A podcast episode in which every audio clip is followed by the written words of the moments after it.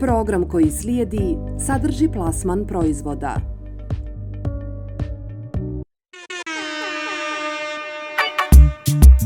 Kruže priče Ko, kada, što? Igor i Vlado. Aha, znam.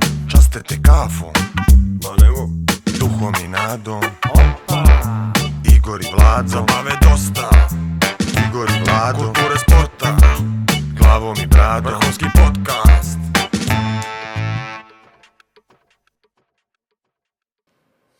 Može li šaj?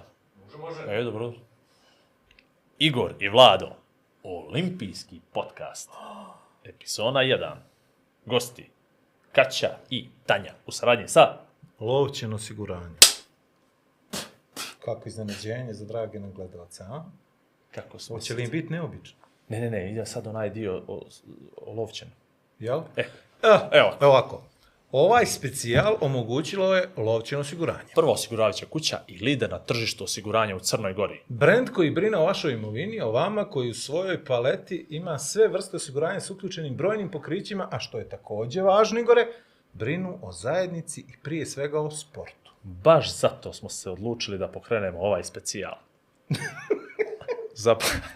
Započnemo olimpijsku godinu na pravi način i približimo šta znači olimpijske igre i olimpizam. I svaka nam čast. Tako je, moramo nabavljati prompter, inače bruk. Ma nije, kako nije, se možete vidjeli, kako smo spremni bili, Tako baš je, ovo. to. Imamo, dakle, prvo sa glade, za grade gledalce, jer se tako kaže, grade gledalce ili Grade drage gledal- gledalce, gle- Gle- pregalce. Da, prvo objasnimo što ćemo mi sad ovdje. Znači, Dobro. pet epizoda, pet olimpijskih krugova.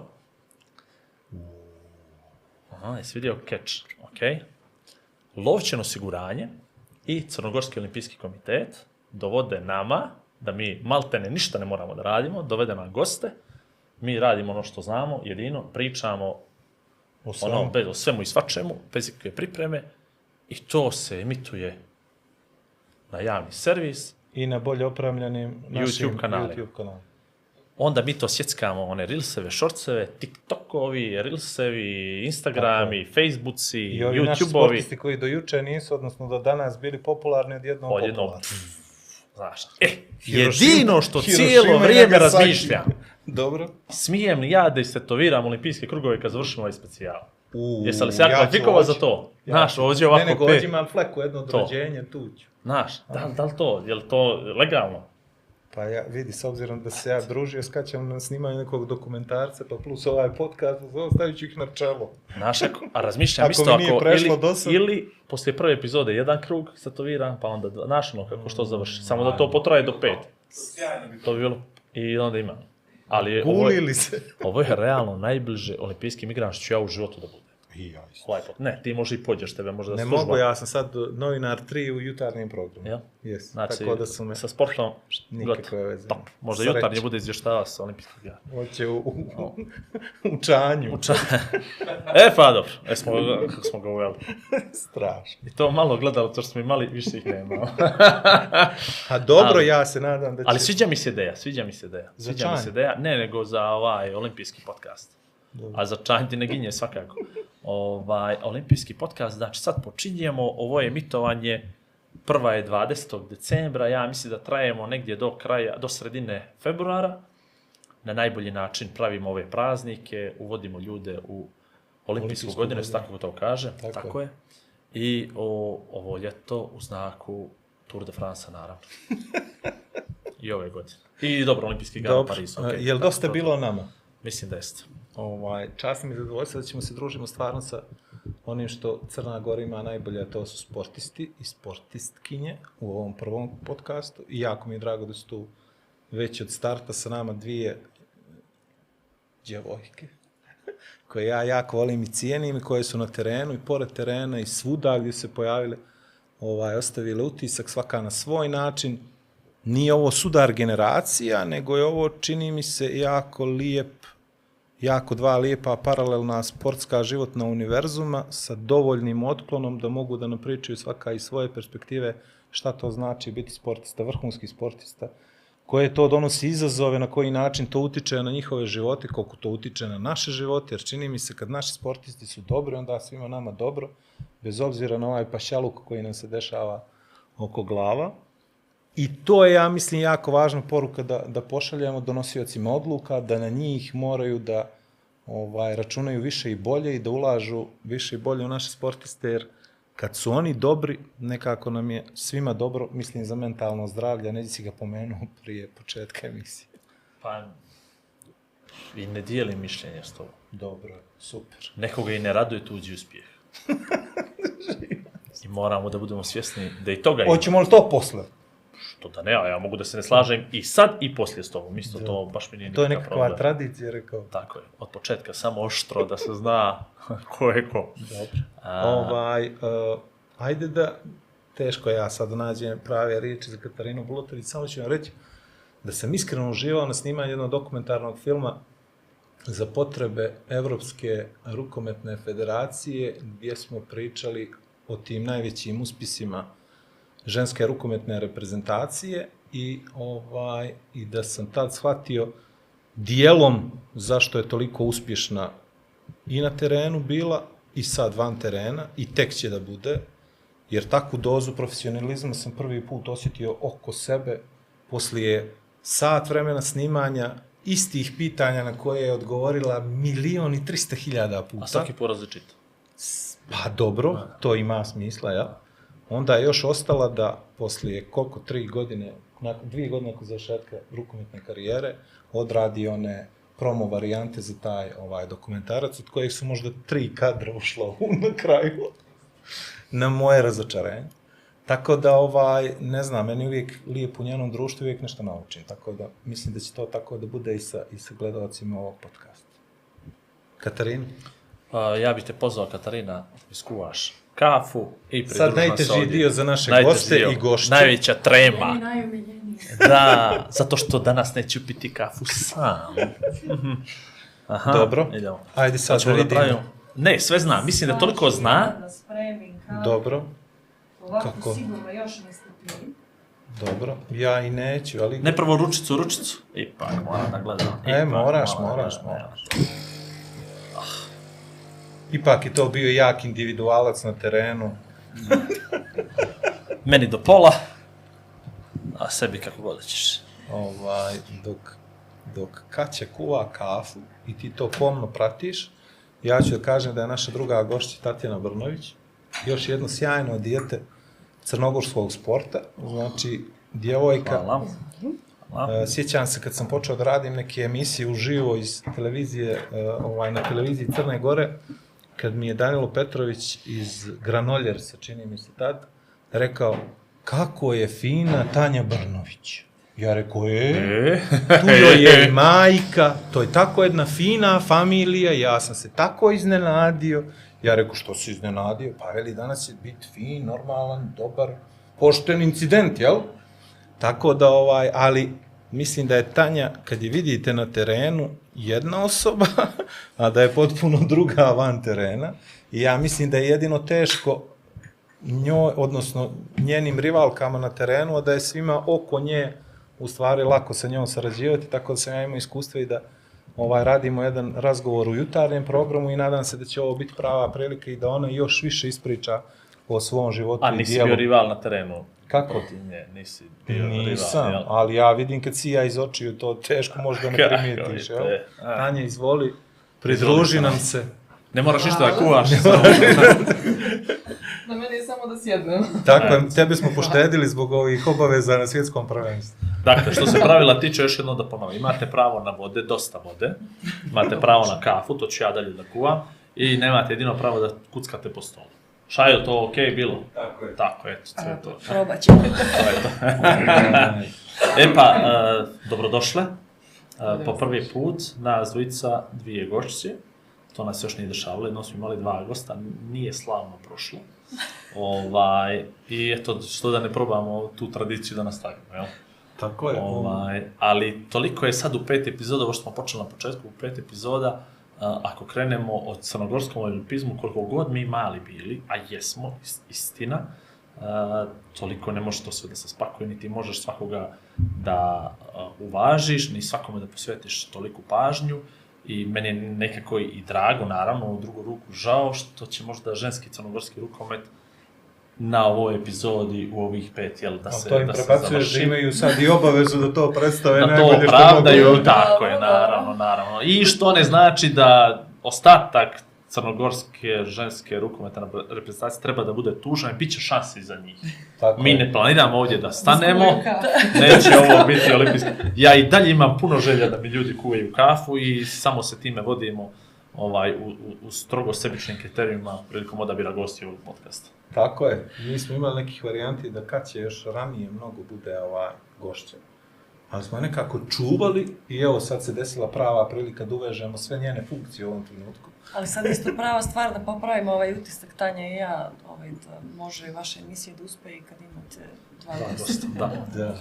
Da. Da. Mislim da se vi najviše na kraju radujete onim TikTok shortsima, vidite. To me je posebno. Ja Jedva čekaš te komentare. Jedva. A Kad, evo, kad vas rastrgnu saborkinje Pazi, iz raznih ovo je- generacija reprezentacije.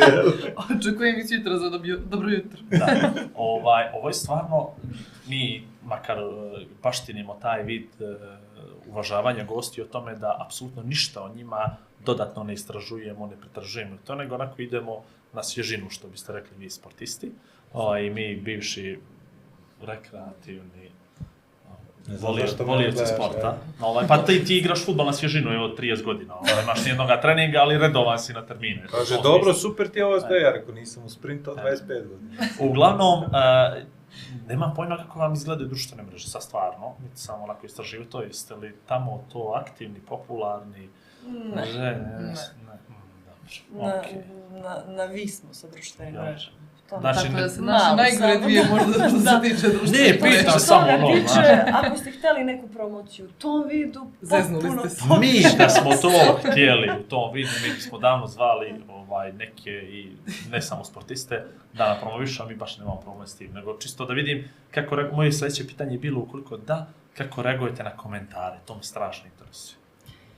Pa, počet ću možda ja, evo, ovaj, izašla sam iz toga, pa verovatno to lakše podnosim nego Tanja. Ovaj, dok sam igrala u nekim trenucima nije bilo lako, ali nije bilo lako samo do trenutka dok, dok shvatite da te, lju, te komentare pišu ljudi koji obično ništa ne rade i samo sede za tastaturom i to im je jedini posao. Nisu ni potrčali, ni dali gol, ni uradili nešto drugo u svom životu da bi nekog mogli da komentarišu i ti ljudi obično pišu komentare. Tako da, negde možda na početku koliko mi je smetalo, posle nisam ni vodila računa o tome kao ni sad stvarno, tako da... Dobro, znači, nismo naši, ne moram ništa da brišem. Kako? Kad krenu ljudi da pišu, ne moram ništa da brišem. Ne, zadužen, slobodno, ja sam zadužen za YouTube, Da. a ti ovo Ja ostalo, sam tako ostalo, da, ja sam tako Svako da- ima svoje reone. Svako ima svoje. Ne miješamo se na to. Ovaj, uh, interesantna je ta priča o komentarima, zato što, kao što rekoh, nacija uvijek očekuje mnogo previše, uglavnom previše, i uglavnom su to, uglavnom mišljenje javnosti kreiraju oni koji najmanje znaju o određenom sportu i bez obzira šta vi rekle, na koji način pripremale tu javnost za određeno mjesto, uspjeh, nešto što, što ste ciljali, ambicije, jednostavno se to napumpa kao balon za dva dana, pogotovo na dva dana prije nego što se krene. Ti si Kaća nekako prošla i taj neki predkomentarski dio, je li tako? Tako je. I možda ti sa jedne strane bilo to lakše, ali si onda na kraju i zakačila možda ovu najgoru fazu hejt kulture, kada je mnogo bitno kako i na koji način hejtuješ, nego u stvari da kažeš pravu sliku, odnosno kako se osjećaš, nego je bitnije da baciš špicu, bez obzira šta misliš o određenom uspjehu ili neuspjehu reprezentaciji. Kako to kod vas? Koliko, koliko tome mora se vodi briga? A ovo se pričamo zbog ovih mladih koji dolaze, koji bi sutra mogli da se nekako uh, na bilo koji način ovaj, uh, slijede vaše primjere. Pa, mislim da sve te neke, da kažem, bitnije stvari treba da ostanu unutar ekipe.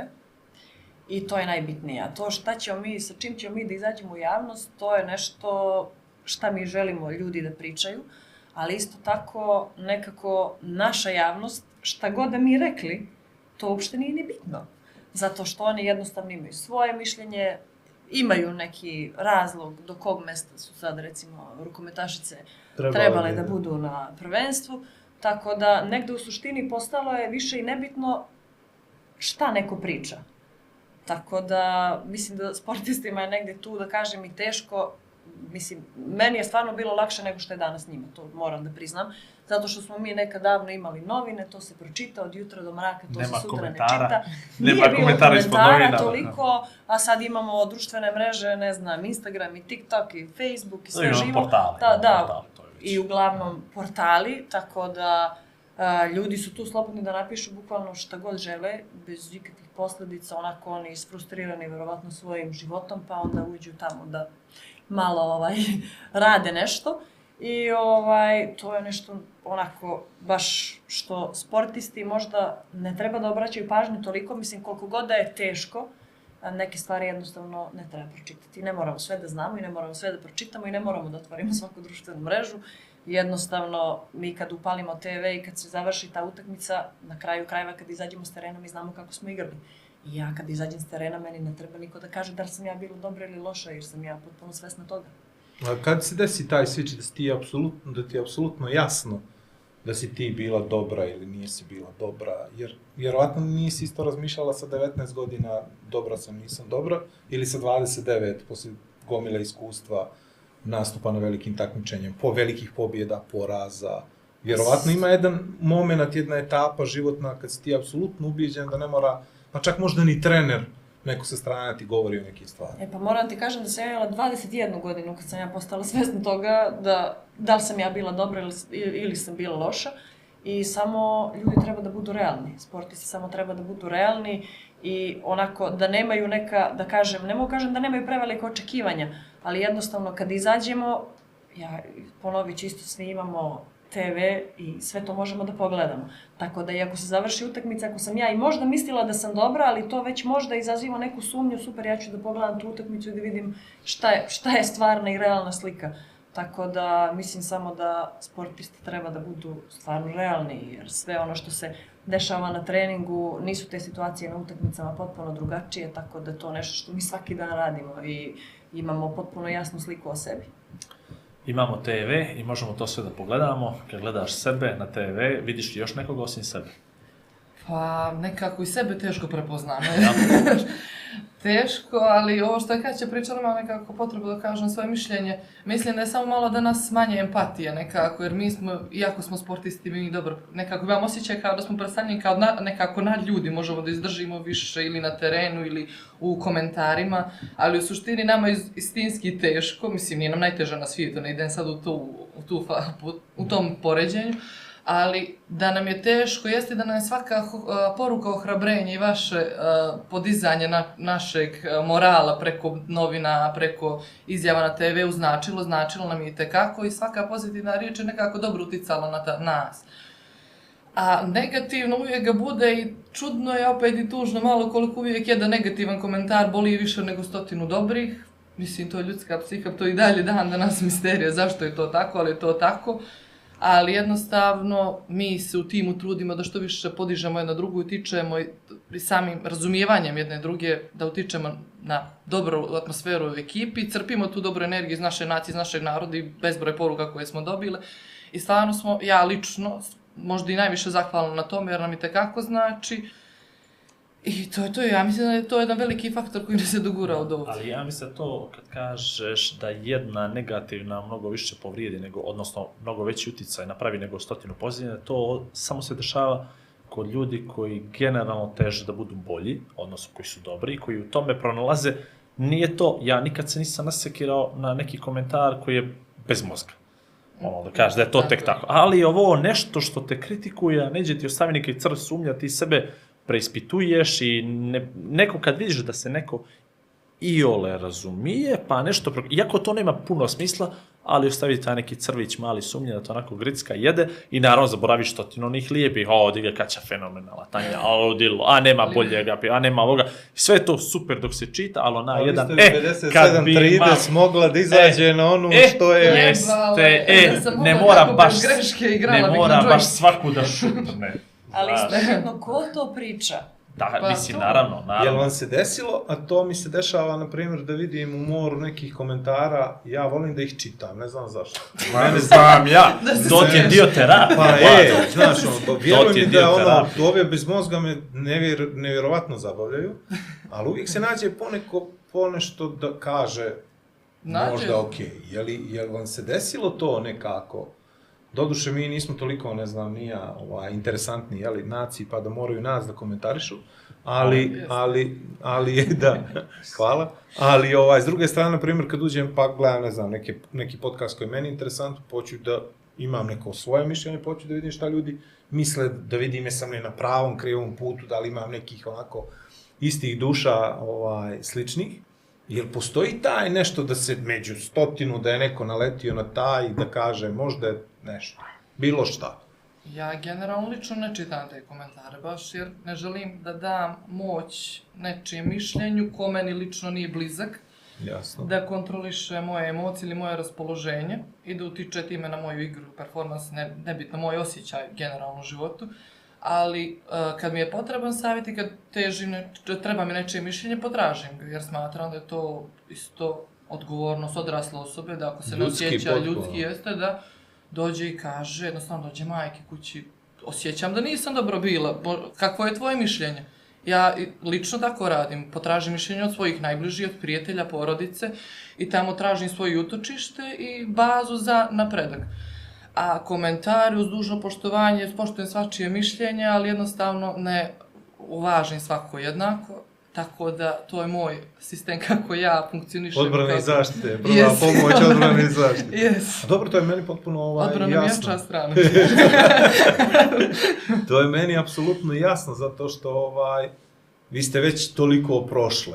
Ali, na primjer, djevojke poput Vukčević, Marsenić, sad na svjetskom prvenstvu, njima svako slovo vjerovatno znači u možda čak i u bilo kakvom kontekstu da bi mogli i one da se izbruse na tom nekom putu da budu dijamanti crnogorskog rukometa što bi trebalo. To je baš još malo. To kod njih sigurno neće trajati još dugo. Da. Kad se budu suočili prvi put sa tim da, ne znam, izađu u novinama u nekom lošem kontekstu, to će kod njih da se promeni. Tako da, ovaj, slobodno krenite, s- udrite što kažu s lošim vestima, ovaj, da te devojke očeličimo i da ojačaju što pre. Mislim da ovaj, je to negde i najbolji lek, da vide da nije sve tako sjajno, bajno i ružičasto, da uvek ima i ona druga strana, ali iz toga mogu samo da izađu jače sigurno i da je... Onda ih sigurno posle neće boleti. Kad vide nekakav naslov šokantan o njima, onda ih ovaj, komentari sigurno neće toliko pogađati. Ovaj, Igor krenuo s jednom jako dobrom temom vezano za to kako izgledate sebi na, na terenu. Jel to su, jesu to dvije različite osobe? Jel- Ja bi se skroz složila s tobom kad si me najavio, jer jednostavno ne vidim preveliku sličnost u meni na terenu i van terena, jer uvijek sam nailazila na razne komentare kad me neko upozna da je to bukvalno ni, mislim, ne znam kako me doživljavaju ljudi, ne mogu ja uvijek znati kako... Pa možda očekuje od tebe da izađeš u dres. Lju- šorc, dres negdje, ljuta, namrštena. Štitnike za kolje, Osmijeha štitnike nema. i ugrad. Da zagrliš odmah ovako za rame, uputiš. da lupam Ali- i da. Ali evo, samo zamisli kakva je njena prednost kad izađe u grad, sada ne govori lokal, i ovako full pak lokal, i ona, I i, da se ona, i ona za grad je ovako. Jer je novo ona na šank. Znači kako ti na šank sad si bilo navrati, nemam pojma. Na, jedna zak, i to, i pazi, pazi da je tu na liniju, nikad ne gazi. Znaš, To to je je sve moje mesto. podsvjesno.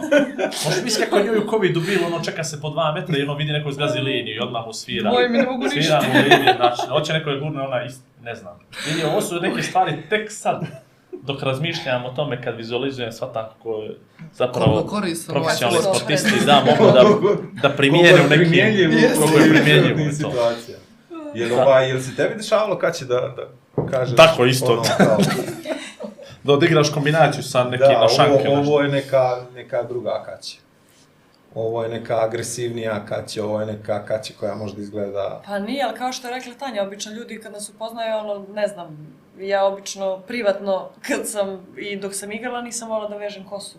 Posle treninga operem kosu i pustim kosu i onda ljudi ono kao gledaju, jesam ili nisam, i onda kao, Kaća? Ja kažem, ja sam, ona kao, "Ah, a ti, izgledaš potpuno drugačije nego na terenu. I onda meni to, kako drugačije? I ona kao, pa pustila si kosu, ja kažem, pa da, nemam dres, nemam šorc i to.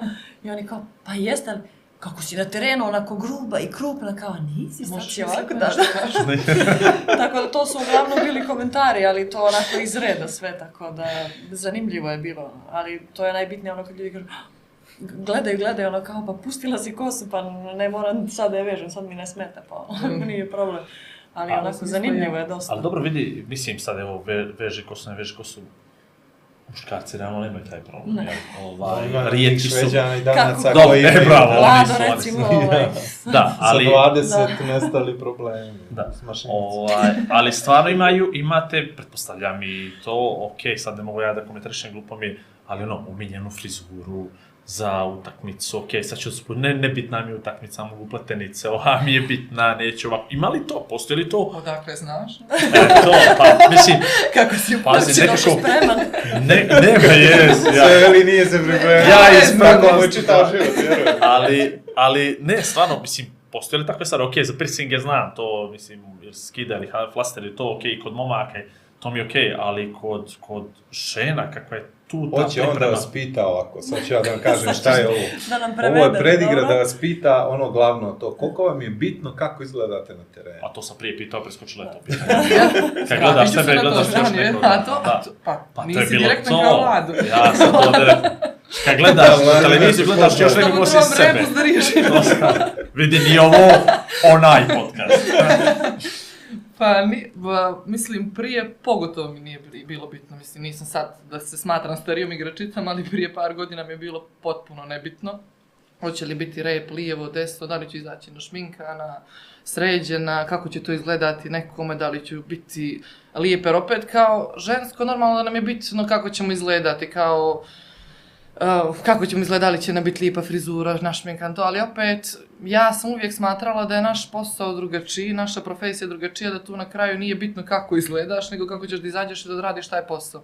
Stoga je moj fokus uvijek bio na tome, na pripremi samog meča, pripremi protivnika, da sam ja mentalno spremna da odgovorim izazovu i svemu onome što me čeka, a frizura, hoće li mi je neko sad počupati što je na mojoj poziciji, najrealnije da se desi i hoće li se poslije nervirati koliko truda sam uložila u to, a na kraju je upropašteno.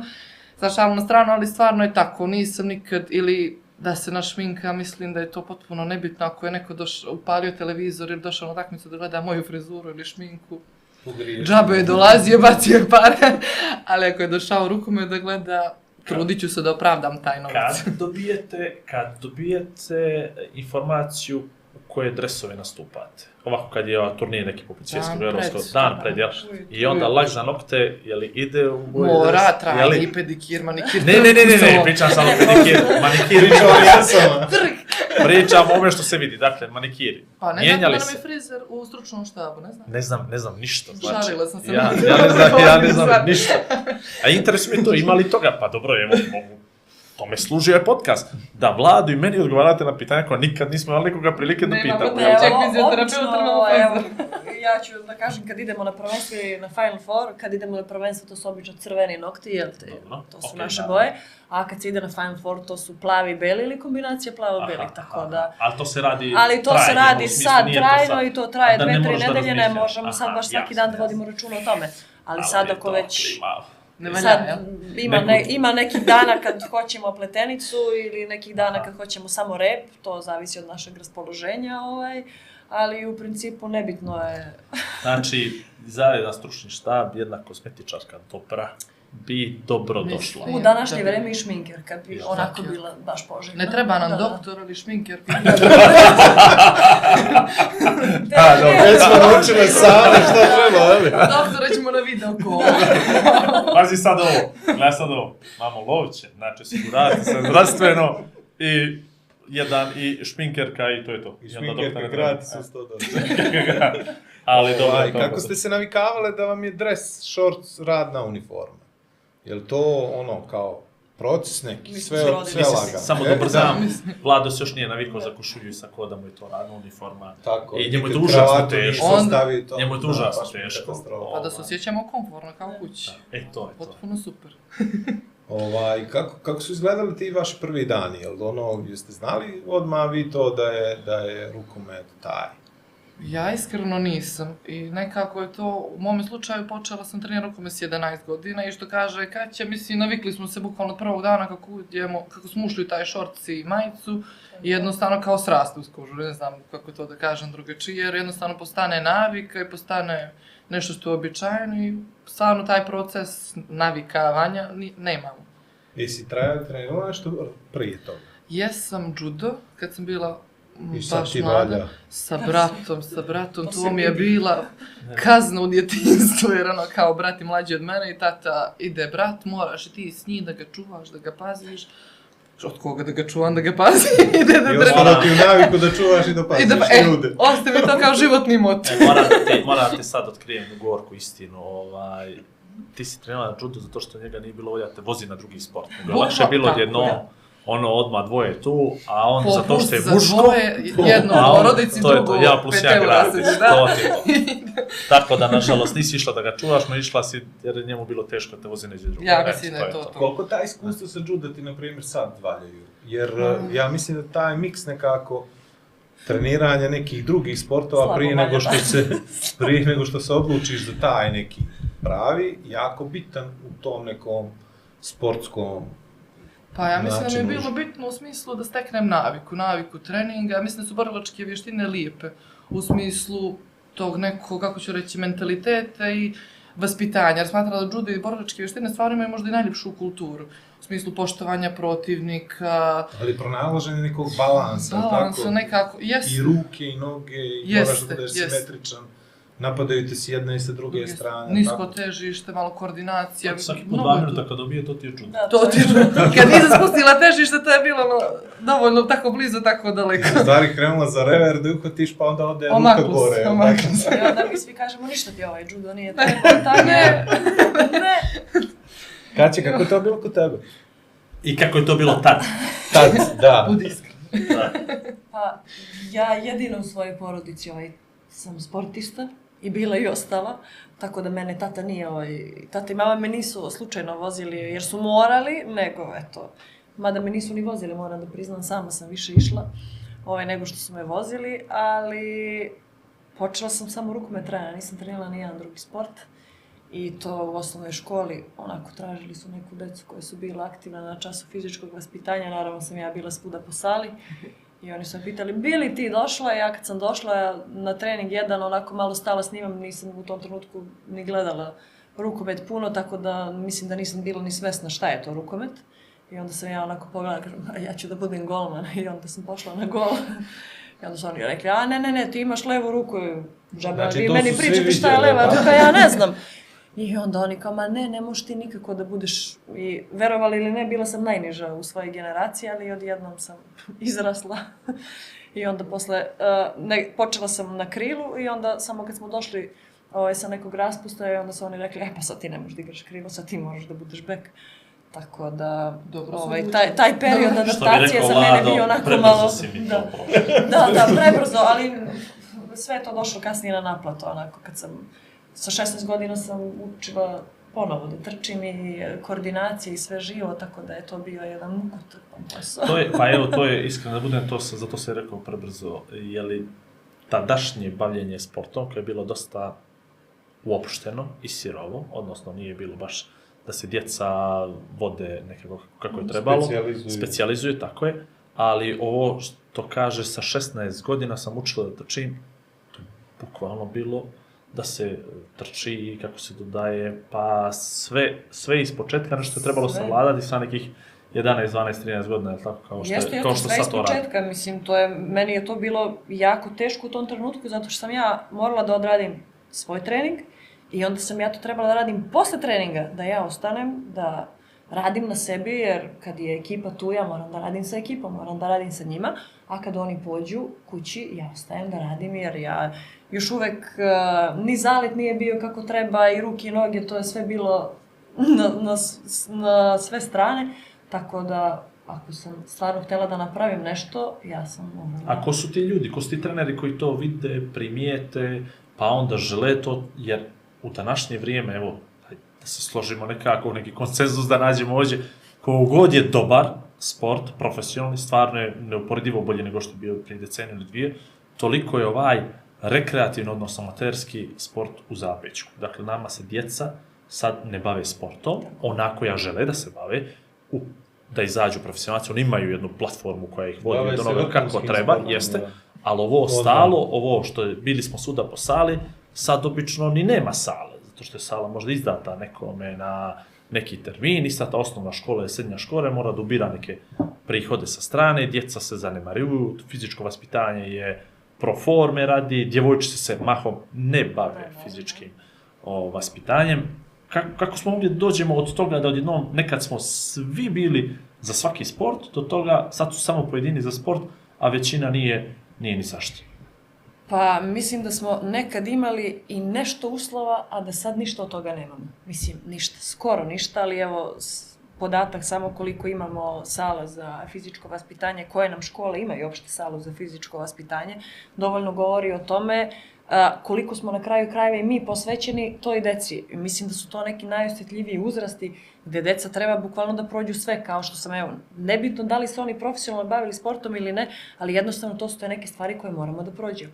Moramo da prođemo, da normalno trčemo i sutra dan kad ti ljudi odluče da se ne bave sportom, nego, ne znam, budu doktori, budu uh, pravnici, oni opet, ako budu imali neki svoj stresan posao, oni će morati da ide u teretanu, zamislite sad nekog u 40 godina da prođe ono što sam ja recimo u 16. Ja sam to kasno prošla, ali sam opet prošla na vreme. Ali mislim da zanemarujemo one najosjetljivije kategorije, a to je decu koja su nam u osnovnim školama, da treba da ih naučimo bukvalno, eto, od, da krenemo od osnova trčanja pa svega ostalog. Je li rano sad, na primjer, ovo što klinci kreću već da se specijalizuju sa sedam godina, da... Ako mene Roditelji- pitate, ja mislim da je rano, ali ko mene pita, mislim da ovaj, kad deca krenu tako rano i onda tu negde roditelji dobiju nekakvu želju da im deca odmah budu, ne znam, Jokić, Đoković, Ronaldo, Messi. Brnović, I da, a, nebitno, Bože ali to, zašto to da ne može to, to ne da, može to ne jahtu može da sad, kupi. da, Ti da, je tako je, rano. tako je, potpuno se Oprosti, slažemo. molim ti tako idemo da- na jahtu prvo, pa ćemo da se Tako je, spuštamo. tako je. ako promašimo, može i čovjek. Da Grešan sam oče Maja. Mislim da nam je to najveći problem, zato što su roditelji generalno kod nas više ambiciozni nego što su deca i to je stvarno onako negde, da kažem, sudar nekih svetova i previše se očekuje na kraju krajeva od te dece, jer nama deca danas, jel te, sa sedam godina idu i trening, i muzika, i jezik, i škola, sve.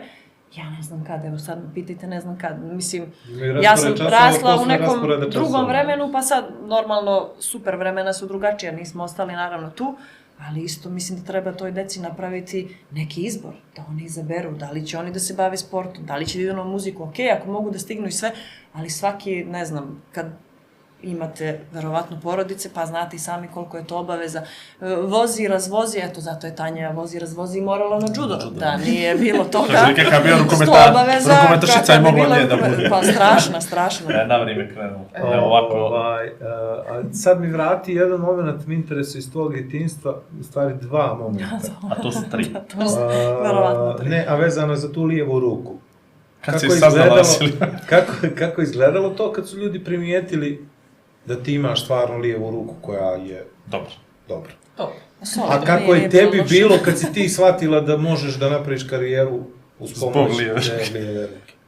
Pa meni su negde to pričali da je to ovako baš ono, dobro za rukomet i ovaj, ako se ja budem bavila da ja mogu da budem jako uspešna i sve.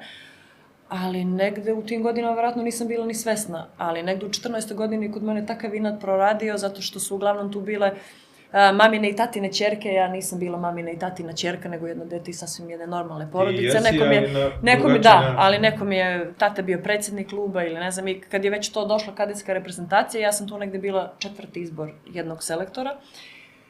Nećemo I da onda ime, ja, ja srdačno. onako, dobro, super, sve, ali ništa one nisu bolje od mene, ali tako, ja sedim, Život sedim, sedim, dobro.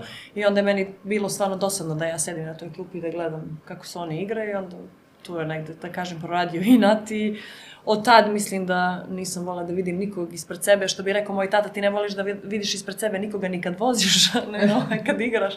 Tako da nisam stvarno dala nikad na sebe, normalno je rukomet je kolektivan sport i normalno je da imam konkurenciju i sve to, ali to može samo u mom slučaju da me izazove da budem bolje.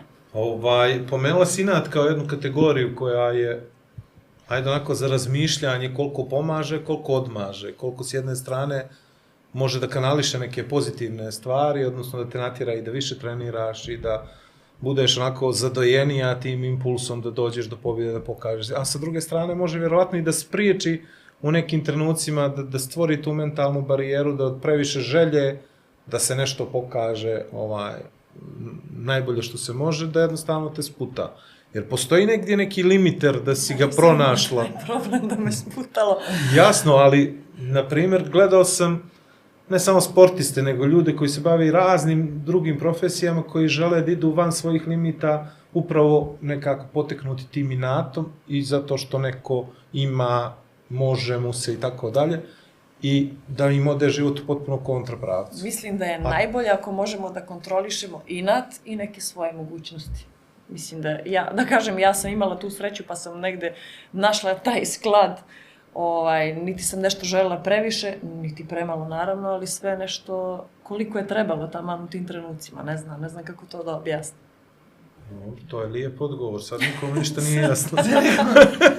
Jesi Tanja, imala ti kako ove prepreke tipa četvrta si u, u svojoj konkurenciji na, na liniji ili kod tebi bilo Šta kao kroz... Ili niko, ili niko nije htio na liniji. Nije niko nije htio da se dobrovoljno javi. Ali nije, ja sam kroz mlađe generacije igrala srednje beka, sad vjerovali vi ili ne. Onda, a I to se nekad vidi. E, to se ne, da se nekad prepozna. Ali onda sam po, na pivotmensku poziciju prešla u 18. godini, 18. ili 19. Tačno godinu dana prije nego što sam prešla u prvi tim. I bukvalno to je za mene bilo da se snađem, ili me ima, ili me nema. Bukvalno sam u takvoj poziciji bili. Opet, ne jedna od tih pokretačkih snaga je bio upravo ovaj motiv inata. Jer, ne znam, ne prema nekome, nego prema sebi. Jednostavno, kao jer je smatrala da sam dijete bila, nisam možda imala neku veću perspektivu šta i kako i u kojem pravcu će se moja karijera ili život odvijati, ali jednostavno je bilo kao ili ćeš biti prosječan srednji bek ili ćeš biti vrhunski pivot. To je moja trenica Tanja Raminuk vidjeli, prepoznali sad, vidimo da je to da je imala, osjetila god nešto, da je osjetila teško. nešto, ali meni je, vjerujte mi, bilo vrlo teško. Ne znam, kao dijete bilo, rekla mi je tada, ponašam se kao da je neko uzeo igrač, koliko sam ja plakala, koliko mi je bilo te, ja sam plakala, ne bi me prepoznali. Bilo mi je baš teško nešto da se prihvati da, kao u smislu, možda sam ga doživjela kao ja nešto ne mogu. Jer ja to ne prihvatam. Da, jer mislim da se stvarno sve može uz volju, pristup i rada se sve može. Ali kad sam došla pred tu situaciju kao ili ništa ili sve da probam, jednostavno je mora u mojoj glavi bilo tako, je dobro. Kao, I od toga dana sam se ponašala bukvalno kao da nikad nisam bila srednji bek. Čak je bilo ono šala, ajde šutiramo sa srednje beka, onoga, kao zezamo se. Hoćeš li? Neću, neću. Ne prilazim, ne želim. Bilo mi je bolno jedan period. Koliko je to teško, primjer, za Bilo tinejdžerku, ali Pa- formativne godine. Tako je, sad iz ove perspektive, sad mi bude, kako ću reći, vjerovatno. nekad smiješno, a nekad shvatam kako mi je to bila prelomna tačka. Jer je stvarno bilo u smislu, evo, okej, sad ćeš da zaboraviš, nisi bila tamo, potpuno ćeš da potisneš taj dio tvoga rukometnog života ili karijere i posvećuješ se, okrećeš se nečemu što u potpunosti tada nepredvidivo bilo. Što mislite sad neko dijete da prebacite sa srednje beke i kažeš mu, e, eto, danas si pivot pola godine pred prelazak u prvi tim ili eventualno, da kažem, prodaju ili angažman negdje na, u inostranstvu. Kako, to da sam tada tako možda doživjela, možda ga nikad ne bi savladala ili bila tu gdje sam sada, ali jednostavno je bio taj moment i nad, dokazat ću sebi da vrijedim, da mogu i da ja hoću. I to je bilo tako. Nisam razmišljala o svojim mogućnostima srećom, mislila sam da sve mogu. da sve mogu i tako sam pristupala, je bila posvećena i jednostavno sam srećna što sam sebe zadovoljila u tome momentu. A opet, zašto toliko, mislim, pivot toliko specifična pozicija? Najteža, najgora A pozicija. to je, ali hoću da kažem, kogod bila je najteža nego, ali to je zapravo možda jedina pozicija i to je jedini sport na planeti gdje ti možeš svoga protivnika potpuno legitimno da izbiješ. I, Legitimno, koliko sam Pa- napolje. ne, sve je okej, ali ni jedan drugi sport ne možeš ni približno koliko možeš puta da uštineš nekoga, da ga... Bi da- ti pokazao? Što nisam Da, došla šta kratko, treba? jer zove da ti pokažem kako Da, je da, da. lijepo. Kako je lagano, život na Ni- crti. Uopšte ja ne govorim da je život na crti lagan, ali život na crti ima sve prednosti, ima jedna od mana su te modrice, ali prednost je to što potpuno legitimno možeš Možeš da da mlatiš, da izušiš, nekog ko se dobro zamjerio, nekog ko nema dobru frizuru, koji ima piercing na mjesto na koje se tebi ne sviđa, da mu to ostaviš do znanja, znači sve je nekako lično. I ja tu pivotsku poziciju baš nekako lično doživljavam i kad gledam i kad posmatram sa strane. I onda meni potpuno... Zvaćete na neki trening, Da. može li? Vidiš, Šorc, majicu, Ja- frizuru, ne moraš. Evo ovako, da, da ne, ne želeći bavi se kratko rukometom, krilo, lijevak, kolegica. ovaj, ali krilo. I onda je bio jedna kombinacija, sam bio drugi pivot. I obično nisam igrao, nisam čuo kad prozovu i tako to, ovaj, nekako je propadao ta napad. Svaki put dobije batine, naravno, jel, kad se tu dobije batine, pogotovo ako niko nije navikao, ali vrlo dobro razumijem što to znači i za to hoću da te pitam zašto stvarno toliko ljudi negoduju ka toj poziciji samo zbog batina. Znate kako ja mislim, mislim, ja sad našalila sam se malo, ali ima malo Da, istine, naravno. ima istine, Pa, ne poričem je, ne poričem je, ali dosta, ali gruba je pozicija i teška u smislu samo kontrole, jer meni dosta puta i sama krila ili beko kad uđu kažu kako ti izdržiš ono da me neko udara 60 minuta da ja ostanem mirno, ja to ne mogu, ne mogu, ne mogu. I što kaže često si naše krila, kao nisam čula izvini, vratila sam se ono, jer meni je dosta bilo. Teško je zato što je u tom momentu još pogotovo sami doživljaj toga je težak, u smislu težak. Navikne se čovjek i meni je sad to potpuno, što je vama možda sad i čudno, meni je potpuno to normalno i dio ne- svakodnevnice. Glupo ti je da neko ne stoji s tobom I da me se malo ne-.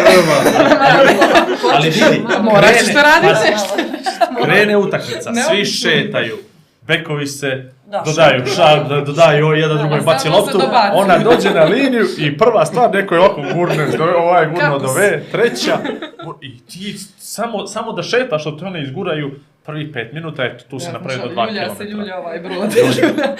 Ali, pa ne znam, teško jer je stvarno, pogotovo kažem, ako spremno ne dođem ja lično na tu utakmicu, teško je. Jednostavno, ali uz, navikne se čovjek, stvarno se navikne i bude poslije lakše i stvarno kažem dio same utakmice. Ali, uf, pozicija u kojoj je sudija možda i najviše ima moć nad našim, našom igrom Životima. životima, jer ako sudije dozvole grublju igru, jednostavno protivnik ima svo ovlašćenje, svu moć, nadam onda tamo radi samo što Da Korović, legitimno da te legitimno izbije i premlati. Ali ako sudija nametne bolji kriterijum, to je bolji po mene i po moju, na moju poziciju, to je potpuno uživanje igrati. Mali dodir, penal, ne, Imam dva pitanja vezana za pivota, ne prekidaj me, a ovo potpuno su diametralno suprotna. A, na financije ću se vratiti, financije su drugo pitanje, ne zaboravim. Prvo pitanje, koliko je ova promjena pravila, odnosno izmjena golmana i sad mogućnost da igrate sa sedam u polju, odnosno sa dva pivota, koliko je to sad stavilo na glaska da u stvari ti sad imaš kolegu pored sebe, odnosno sa igračicu, i kako sad, koliko je tebi drugačiju ti napadi? Majde, evo, to sam htio da kažem. Opet, gušća je sad zona, tu ti je, Pa manje ti je prostor, a ko je taj drugi pivot koji tu igra? Ka- kako on uđe u tu ulogu? Pa jednostavno drugačije, to je više taktički, onda nam je drugačija uloga, više smo statične, znači kad, me, kad smo same, kad smo same na poziciji, onda više imamo slobodu da se krećemo, da u dogovoru s bekovima otvaramo prostor, gradimo se, jednostavno je dinamičnije. A kad uđemo s dva pivota, to je više taktički, kao što ako ste obratili pažnju, mi sad kad igramo, to je držimo širinu, Igrate dva na dva. dva na dva, ako dođe višak, tu se otvorimo, tu smo uvijek beko otvorene za saradnju i da na kraju mi damo go. I to je jednostavno na dobijanje širine, da više damo prostora bekovima da napadaju. I to je stvar taktike i što se mene tiče, mislim da smo baš bili uspješni u tom segmentu i da je to, da smo odradili baš dobar posao na ovome To je prvenstvu. počelo tiho, prije dva velika takmičenja, Jeste, ja mislim, u sa Španiji. Bojanom, tako U da. Španiji, U jes. Španiji, ali sad već se vidi da, a i to je proces, to treba Tako da je. prođe i kroz vaše je glave. pitanje i da- generalno mene da je su ja to Ali inače, sad samo ti kažem nešto vezano za pivota, ako ćeš. Sa ovom 7 na 6 i to, najviše je dobio golman. Na početku su svi govorili o tome da funkcija golmana ovaj, postaje manja, da sad su ti ljudi nebitni, da jednostavno šta će, kako će, međutim golman koji dobro brani, koji ima sposobnost da ufiti živu loptu, može da baci kontru, može da da gol, može milion stvari da, Yes. da napravi. Tako da, ono sve što su ljudi... da istrči. Tako je, a, između ostalog. Ali sve što su govorili na početku da golman neće biti u modernom rukometu, on je duplo značajniji nego što je bio u nekom... Jel tako? Baš su dobili na brzini igre, jer koliko oni brzo nama uvedu loptu ili vade iz mreže ili sa strane, mnogo je bitan segment i mnogo daje na brzini tranzicije i, I sad golman razvoja. koji odbrani, kad lopta padne ispred njega ili ko ti Automatski. je živu loptu, to je već gol na drugoj. Yes. To su dva gola u stvari. Yes. To ljudi rijetko ovaj razmišljaju o tome. To je jedan koji je koji nije primljen i onaj jedan koji smo dali Tako bez, je. Bez napadi, bez ovih batina i tako to. Kad će pitanje za tebe, vezano za pilot, ali ti ćeš biti bolje. Ja. Financije. Financije, da. Koji su, a, po tvom iskustvu, široko, najplaćenije pozicije igračke i zašto to nisu piloti? Ne bih se složila sa tobom. Ja možda ne, ja možda bi Mislim da uh, pivotman, golman i back, evo, sad već u zadnje vreme i krila, ali mislim da danas stvarno krila ne mogu da dostignu te iznose koliko ja znam, opet ogradit ću se, ovaj, ali mislim da su to pozicije koje se plaćaju dosta, ako ste stvarno najbolji pivotman i ako ste jedan od boljih bekova i ako ste dobar golman, to, A, to je to, tako, su je, dobro, ekipe to koje to za, za takve Znači, ne krila žali su se. krilice. Pa nisu krilca, ali Da. kažem, nikad ne mogu da krila, da, krilo nikad ne može da postigne, recimo, ugovor kao što ima najplaćeniji bek ili najplaćeniji pivotman ili najplaćeniji golman.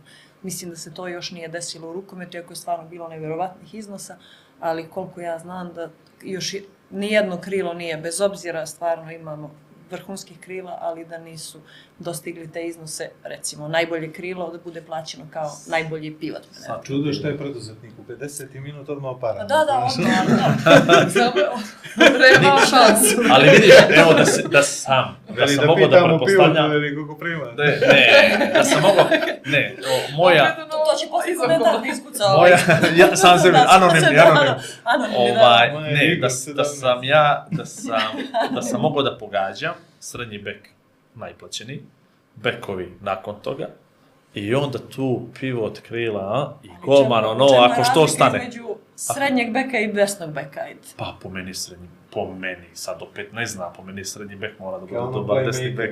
Da. Pa Da. Ali evo, vidiš, moje površno poznavanje sporta. Zato ste vi tu da odgovarate na pitanje koje mene živo ovaj, interesuje, ne je, gledate. znači- nemam puno igrača sa levom rukom.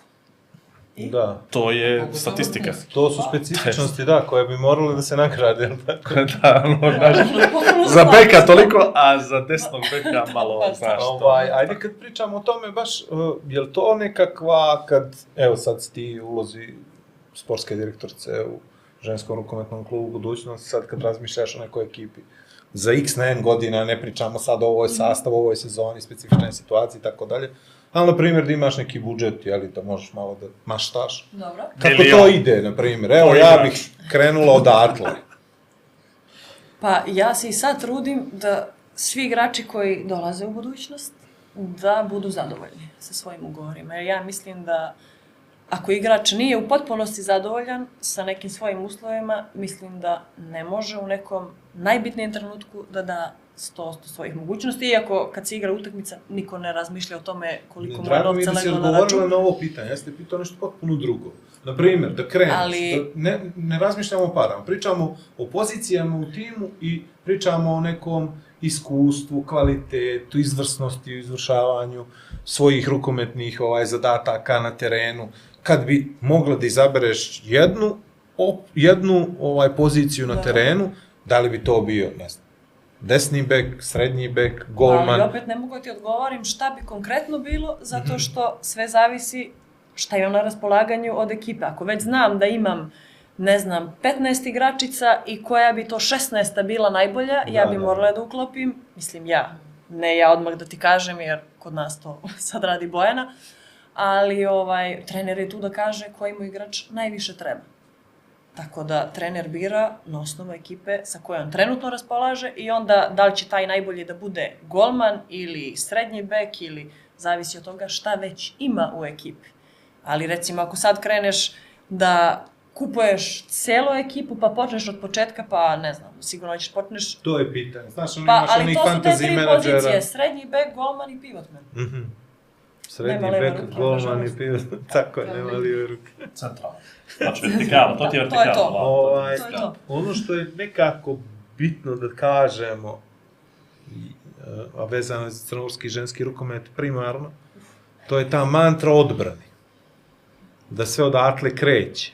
Da ste vi u stvari najveće uspjehe i napravile zbog toga što ste savladale tu vještinu odbrane i što igrate uz više energije, entuzijazma, posvećenosti, vrlo Složit vjerovatno se sad I znanja. Francuska je zato osvojila Tako ovo je, da. prvenstvo. Ali ovaj, slušajući Dragan Adžića više puta i razgovarajući sa njim, on je napravio čak jednu fenomenalnu paralelu vezano i za crnogorsku istoriju, i za crnogorsku ženu, i za crnogorsku majku.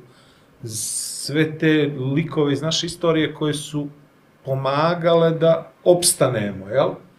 A opstajali smo uvijek zahvaljujući tome što su one bile prave u tim nekim najtežim vremenima. Tako ste i vi, čini mi se, uprko svim ne znam, neću kažem manama, ali nus pojavama koje ne do, ne, nisam mislio ni nedostacima, ni izazovima, nego, na primjer, svjesni smo da nismo dovoljno jaki kao što su skandinavci, skandinavke u nekim određenim situacijama, lupam, kao kad dođu ovi Alžirci da sude, jel? i tako dalje. Vi ste uprko s tim svim nekakvim stvarima, jer mora, treba da se i prođe određeno vrijeme, da te priznaju, da te prepoznaju, uspjeli nekako da napravite taj kult da Crna Gora igrao dobru odbranu i da posle toga u napadu se odradi to što se treba, da bi se na kraju sve to zaokružilo i da se napravi neki uspjeh. Je li to teško da ti krećeš iz te neke pozicije defanzive, da moram sve sad uradim da bi se odbranio, da bi na kraju, koliko je to vama mentalno onako težak zadatak, pogotovo kad se primi gol, jeli, pa onda to, valjda, ne znam, ono, ja bi to gledao u nekom trenutku možda i defetistički kao smak svijeta, sad moramo da damo dva, Bukvalno, bukvalno. jel to? Bukvalno je bio taj doživljaj, stvarno je bio. Ja mislim da je konkretno, ako smo pala sad, izvini. ne, ne, sve okej. Ali, uh, u smislu, ja mislim da smo mi veliki iskorak sad napravili upravo u poslednje dvije, tri godine, jer prije smo tako doživljavali tragično taj primanje toga gola, da je to bilo katastrofalno. Razmišljanje Mislim, ono sad preuveličavamo, evo kao ono, je li moguće, desilo se, mislim kao da se rukomet igra kao futbol, da će 1-0 da se završi, ne znam kakva su naše očekivanja bilo u tome momentu, ali, ali jednostavno tako je djelovalo. Jer smo davali mnogo, mnogo se fokusiramo na tu odbranu, mnogo je dajemo sebe i u samoj pripremi, i u svemu kroz generacije. Nije to sad nešto što je novo, nego jednostavno decenijama je to tako. To baš traje. Ali jednostavno sad kao da smo ne shvatili, nego jednostavno se pomirili s činjenicom da je modern rukomet, današnji rukomet jednostavno takav. Primi se go i nije a, moment a, da se žali na terenu ili da se razmišlja zašto se to desilo, nego je to poslije pri analizi. A tada je potreban što brži prelaz iz gola ka što napadu. Da, što pre, je, je, da što prije damo gol, jer prođe šans. Jer u stvari sad su ekipi najranjivije u tome segmentu vraćanju. I mi smo, ja mislim, toliko, da kažem, ne mogu reći dominantni još uvijek, ali jednoj od jačih reprezentacija sigurno u tome segmentu igre. Zbog toga što posvećujemo se mnogo tome, jer jednostavno možda lakše nam je tu da stavimo našu glavnu snagu, nego da se sad oslanjamo na napad, jer manja nam je baza i brže se umorimo. Teže nam imamo manji broj stanovnika nego, nego aktivnih igrača u njihovim zemljama. Tako da, a, mislim da je to, znaš, sad sam malo se zapetljala, krenula sam. ja, dobro, krenula dobro, sam dobro, sve okej. Maramo Ali, se naše ja manje. sam, kad pomenu naše. teško mi bi nekako. Ali, a, stvarno je to naša snaga i ja sam srećna za to što smo sad prebrodili nekako, po meni to je bilo teškoće da krenemo odmah, da to ostavimo iza sebe, da se mirimo sa situacijom u momentu, a ne da patimo za nečiji. Primili smo go, pa smo ga primili. I mislim da je zbog toga naša odbrana još bolja, još kvalitetnija, zbog toga što se bavimo momentom, a ne onim šta je bilo. No, Kaće, koliko je to bilo, na primjer, teško, Umorno. zahtjevno, ovaj, zamarajuće, kad, na primjer, imaš pored sebe nekoga kao što je Dragan ili svi ostali treneri koji su ovaj nekako svodili rukometnu igru na taj neki detalj. Položaj tijela, trenutak kada ćeš da iskočiš, kad nešto zbog...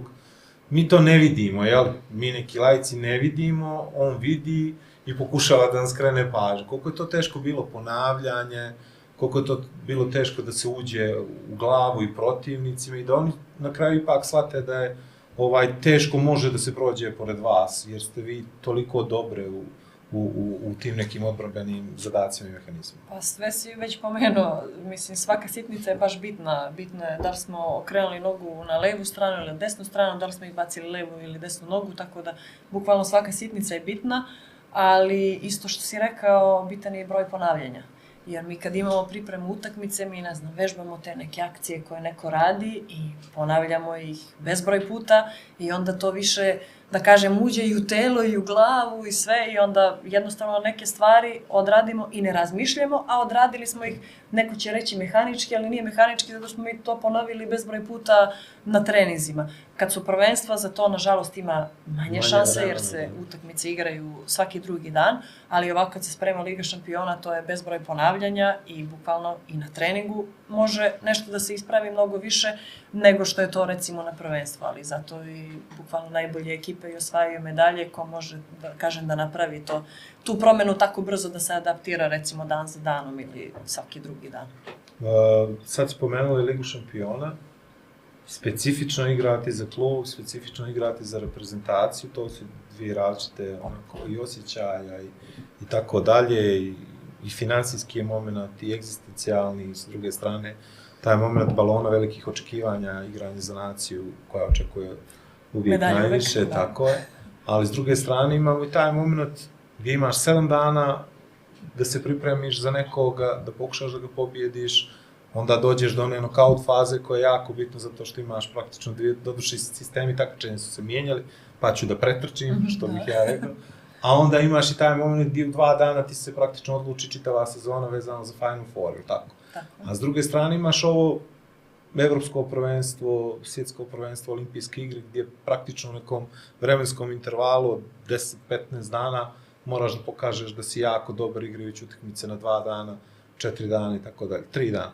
Uh, interesuje me šta bi nama ovako, posle svega što si prošla, šta onako nama mentalitetski više odgovara. Da li kad imamo više vremena da se potučemo s nekim ili nam odgovara ono da idemo kao na macu, što bi rekao naš narod, svaka dva dana dođite pa da vidimo gdje smo. Pa, ko što Pa, ponese. Ko što ponese. da. Za, zavisi od raspoloženja i zavisi od ekipe koju imamo. Da, znači Mislim na da- kraju se ipak sve svodi na to, jel? Tako je. S kojim, Tako je, tako je. s kojim, S kojim ovaj, timom raspolažemo, ako imamo više, da kažem, ne mogu kažem kvalitetnih igrača, ali možda više igrača koji igraju u svojim klubovima, na mene bitno da li ćemo igrati svaki dan ili svaki drugi dan ili ako su ti igrači potpuno spremni. neka dođu. A ako je već malo manja baza, kao što je to slučaj kod nas, onda, eto, neki, da kažem, sistemi sa malo više odmora i pauze nam prijaju, jer nemamo puno igrača, mislim, igračica. A, nismo imali to, da kažem, i kad smo osvajali medalje, nije bilo tu puno igračica koji su se menjali, ali nekako, bar tad kad smo osvajali, imali smo nekako više igračica koje su nosile svoje timove, koje su igrale dosta u svojim timovima i bile jedna od najboljih igrača, ali sad, nažalost, u ovom trenutku, na ovom prvenstvu, to nije bio slučaj, što ne znači da u aprilu neće na olimpijskim kvalifikacijama situacija biti drugačija. A, praktično svake sezone se, ono, različite su okolnosti. Neko se povrijedi, neko nije u formi, neko rodi, realno, ovaj, neko razmišlja o porodici, neko odluči kao Ema, na primjer, da napravi jednu godinu dana pauze. Evo, samo nabacujemo ove neke poslednje ovaj momente. I vi praktično uvijek morate nekako da nađete način kako ćete da se prilagodite, adaptirate i na protivnike i na okolnosti upravo iz tog razloga što pričamo o kvantitetu, da nas je malo i tako dalje. Jer to teško, ili zamorno da ti uvijek sa nekakvim drugim preduslovima ulaziš u te neke bitke koje bi trebalo da dobiješ, barem svi mi očekujemo da dobiješ. To je jednostavno sport. I mi nikad ne znamo sve i da su sve zdrave i da su sve na terenu, može da se desi zadnji minut na treningu da neko iskoči, ne znam, kao što je to bilo 2012. finale Ligi šampiona, ja sam imala neki bukvalno bezazlen šut na kraju, podigla sam ruku i Majda dobila je udarac nezgodan i nije mogla da igra. Iako je finalna utakmica bila kod nas, samo tu je na treningu i zadnjih 10 sekundi treninga nje nema sutra za utakmicu. Tako da to je nešto što sport nosi sa sobom i što mi stvarno, da kažem, i primorani i odnavikli smo od i mlađih kategorija da se nosimo sa tim. Jednostavno, ko je, ko je taj dan tu u sastavu, tu je, ko nije, ne žalim puno za njim, teško je, I, ali taj period adaptacije mislim da kod nas mnogo kraće traje recimo nego što je eto, kod normalnih ljudi u životu. Ako se nešto desi, mislim da se ljudi teže adaptiraju nego što, je, Ima što to rade moment da prekukamo šta je, Tako kako mi je, da. imamo te neki momente, ali sport jednostavno tu si, tu si, nisi tu, nisi tu, tu je neko drugi, zamenit će, ali nema puno vremena da se, da kažem, žali za bilo kim. Uh, interesuje me vezano doživljaj, odnosno, e, pomenuo je Vlado klubove, reprezentaciju, razlike igranja u klubu reprezentaciji, međutim, mene nešto interesuje kako Evropa doživljava klubski ženski rukomet. Obično ono što imamo mi prilike da vidimo ovdje na TV-u, to su pune dvorane, to su navijači koji uglavnom sjede, ali navijaju, pjevaju, da ne priča sad o Njemačkoj, e, da ne priča sad o njima konkretno, mislim da su neđe možda i najjači u svemu tome, ali kako se tamo, kakav je doživljaj igrati u takvim klubovima koji te kako baš ti, ne govori sada nema Crna Gora i budućnost, kulturu prema rukometnom klubu, ženskom klubu budućnost, ali ipak mislim da je godinama, decenijama daleko od te vrste kulturi. Ko, kakve razlike igrati u tome, kakav je tu razlika u pritiscima, upravo to, Liga šampiona igrati je za tako neki klub ili za ovaj klub gdje se ovdje ljudi interesuju na dan utakmice za samu utakmicu, a tamo ipak se živi drugačije, pa se mora intervju i priče. Opet, to je to. Ja mislim, za vikend mi ovdje saznamo da je noćas budućnost, neko dolazi sutra veče, ima li karata, odnosno kod koga ima džabe karata i da se sva naša interesovanje na to ovaj završi, ko će mi u, Da završi nemaš dvije. dvije. Da nemaš dvije. E, Eto, to mislim je to. da si pravo, pravo reći ako džabe karta, ovaj, to je, mislim da je to naš glavni problem, jer evo ja sam imala tu sreću, pa sam igrala u Đeru, koji ako dvorana prima 5000 ljudi, oni 3000 sezonskih karata prodaju. Znači 3000 ljudi koji su na svakoj utakmici, ne samo Ligi šampiona, nego i one koje se igra sredinom nedelje, recimo Liga, A, tako da su oni stalno tu i oni uvijek imaju tih 3000 ljudi, ali ti ljudi dođu, pođu, kupe prvi dan sezonsku kartu i oni su tu čega? Za je svaku- Ko su ti ljudi? Pa mislim, mislim da je to njihova uopšte si kultura navijanja. tamo, da, Bila sam tamo i to je jednostavno njihova kultura. Jer se to gradi iz škole, iz sistema obrazovanja, je li to vaspitanje, je li to Njih lokal ne zanima patriotizam. ko igra u tom klubu. Da li je ona iz Francuske, da li je ona iz Crne Gore, da li je Nor... super je ako je ona iz Mađarske, to Da, je baš da. super, ali njima na kraju nije bitno, oni dođu tih sat i po vremena da se provedu, da navijaju, da malo viču, da podrže svoj tim, da Popiju pivo. Popiju pivo, okej. da nebitno posle utakmice donesu poklon, nebitno da li je to čokolada, da li je to žvaka ili bilo šta, da se pozdrave sa vama, da vas poljube, da se slikaju sa vama. Mi to ovde mislim da nemamo, uh, imala je budućnost stvarno kad smo pravili vrhunske rezultate, nismo mogli da sednemo u kafić, da popijemo kafu i da je to bilo onako i deca i ljudi, svi su živi prilazili, ali da se to kod nas, mislim, očekivano, kad nema rezultata, nema ni toga, ali negde sam tužna zato što je to kod nas tako. Mali smo, svi su se fotkali s tobom. I onda nema više niko, kao, svi imamo kuću fotku, ne skačemo mi, rezultata, to je to. ne. Ne, nebitno je, nebitno, nebitno je kad će u ovom slučaju, mislim da je bitno onako, ja Da. sutra ću svoje dete da Da, vaspitavam ali tako jesmo da li- idemo na svaku utakmicu, nebitno Ali- da li je reprezentacija, da li je budućnost, da li idemo da navijemo, da, on, Pa da jesmo on li vidi da on jesmo li pogriješili Kaća? Izvini što te prekinu, ali to mi iritira strašno. Jesmo li pogriješili sa tom kulturom besplatnog ulaza koja je bila dominantna u jednom periodu gdje praktično si ti dolazio na dolazio si tu zato što je bilo trendi, zato što je bilo moderno da budeš uz ženski rukometni klub budućnost ili bilo koji klub, ajde da ne pričamo samo o tome, samo zato što ste vi imali uspjehe i bilo je moderno i bilo je in da budemo na tribinama zato što ste uspješne, zgodne, najbolje i tako dalje i tome slično. ali Jer je pogrešno ta pogrešno to što smo radili u tom trenutku, jer sad čini mi se da ne znam, cijena karte od euro 2, 5 ne može da bude prepreka ako ti to stvarno želiš, voliš i da, da dođe. A sa druge strane smo smanjili značaj sportskog događaja vrhunskog kvaliteta, a to ste vi imali, je tako? A, mislim da i u to vreme kad smo pravili velike rezultate, ako je protivnik iole bio, da kažem, nezanimljiv, nama dvorana nije bila puna. Ali kad su tu dolazile vrhunske ekipe, kad se tu očekivala neka borba do zadnje sekunde, onda je tu hala bila puna. I meni je samo krivo što recimo neki ljudi koji prate cele sezone dolaze na svaku utakmicu kad je ta neka bitna utakmica, skroz, onda oni ne mogu da uđu jer neki ljudi dobiju karte. Samim tim, sam si rekao, kod nas se nije plaća ulazi, onda se te karte uglavnom podele e, ljudima koji jel te traže, koji su bliski klubu, prijateljima kluba i sve i mislim da je to negde nama bio i glavni problem.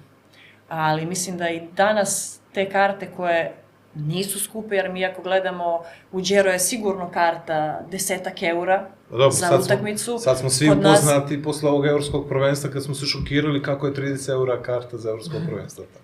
E pa, Gdje? Kod nas? Kod nas, da, jeste. Pa dobro, Mislim- to je skroz... Dobro, znaš, Ok, bilo, da, prvo je smo... previše. Ne, ne, ne, u... Da. Pr...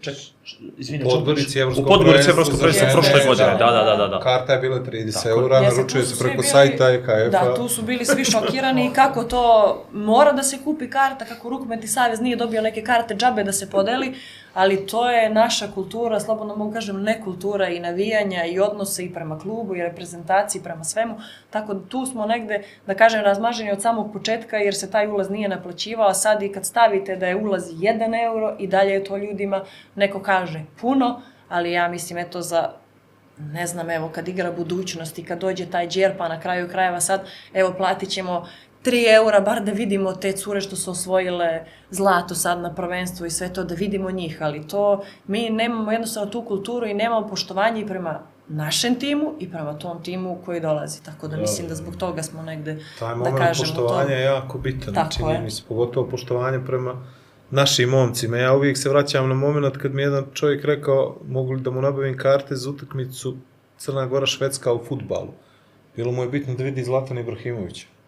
Ja kažem, ja ne mogu, ono, pa gdje 7 eura, kaže, ovaj karta, znaš, ja kažem, za Zlatana 7 eura, znaš šta je Zlatan, Zlatan je jedan od top 3 u tom periodu, ali rekao, 7 eura bi trebao da platiš i Mirka, i Jovetića, i Savića, i Makar tako po euro. dalje, makar Po euro, njih pa ti je 7 Tako euro. da ja mislim da to neka tiha patnja, neki, neka borba koju na kraju krajeva moramo, moramo svi da uđemo u fajt. I mediji nekako, i Crnogorski olimpijski komitet, i savezi posebno, i klubovi posebno, da prije svega ono, napravimo neku kulturu ponašanja gdje nam je ovaj domaći igrač bitan, odnosno neki igrač koji igra u našem klubu.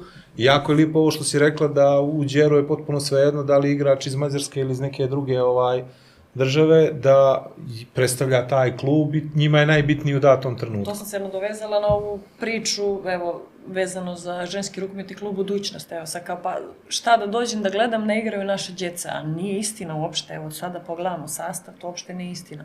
I verujem stvarno da će u budućnosti, da kažem, sigurno biti uh, više devojaka koji igraju za našu reprezentaciju, da će oni biti tu u klubu, ali isto tako, zar je bitno ko je i odakle ako igra za naš klub?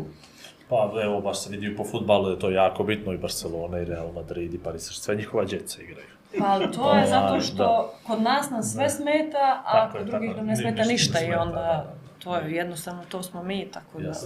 Uh, uf, puno Nadamo se da će ovi mlađi narašta i to da promene, Znaš, da ne otvaramo pričaš, neke pričaš, teške su- teme. Super, odlične teme, fantazične teme, kako još ostalo, jao, nećemo tim temama.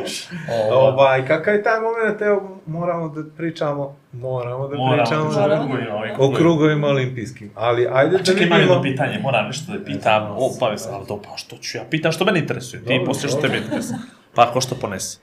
E, ženski rukomet je, mi smo ga prisvojili kao nacionalni sport, što je super.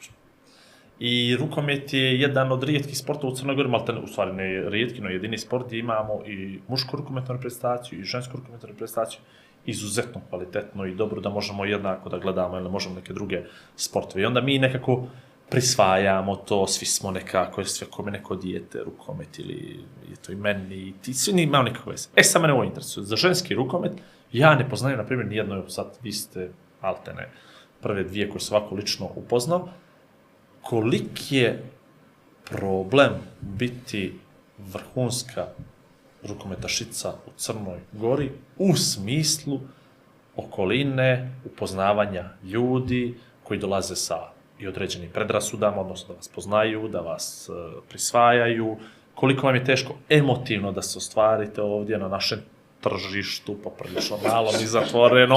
Pa, ej, sve je to tržište. Pa dobro, Ovaj, sve to- interesantan- Poduzetnički dug ima, da emotivno investiranje je posebno izraz, sad, znaš, samo pojavio se I onda na finale da zaokruži sve to, koliko pitanje? energija vaša iz ovog, u ovom sportu koja je neviđena, koja je ne, ne, nevjerovatno što sve, jel, kakvu energiju imate, koliko to može i koliko se to odražava na vaš emotivni život. Možete li vi da budete, Vlado ima one, one, kako su one tetke, kako na Instagram, kako ih zoveš ti, one, Tetka malih anđela. tetke malih anđela, to su one divne, one s Instagrama što vas da pali, najnježnija bića, ono, a onda se obuče dres, izađe se napolje i, ono, pospremite protivnice.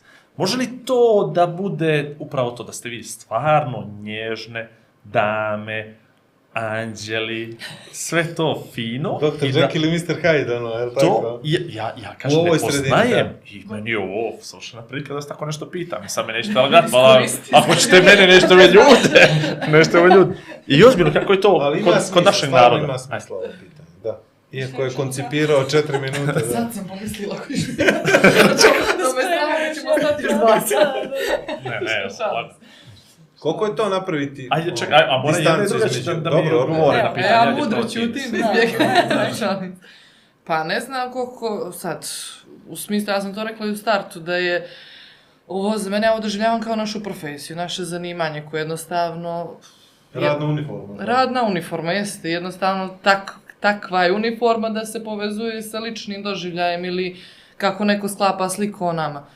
Uh, ja ne znam, mislim da sam drugačija potpuno po privatnom životu, jer jednostavno drugačije su okolnosti, drugačije je cilj, jednostavno sve je drugačije, ali sport je takav, on je adrenalinski, pogotovo mi u našoj zemlji, ja smatram da mi dosta toga izlačimo iz nas sami, što možda i ne znamo da imamo, iz te neke želje za samopotvrđivanje, za potvrđivanjem u svijetu, da smo vrijedni, da se sjetimo vrijedni, da pokažemo svijetu da vrijedimo.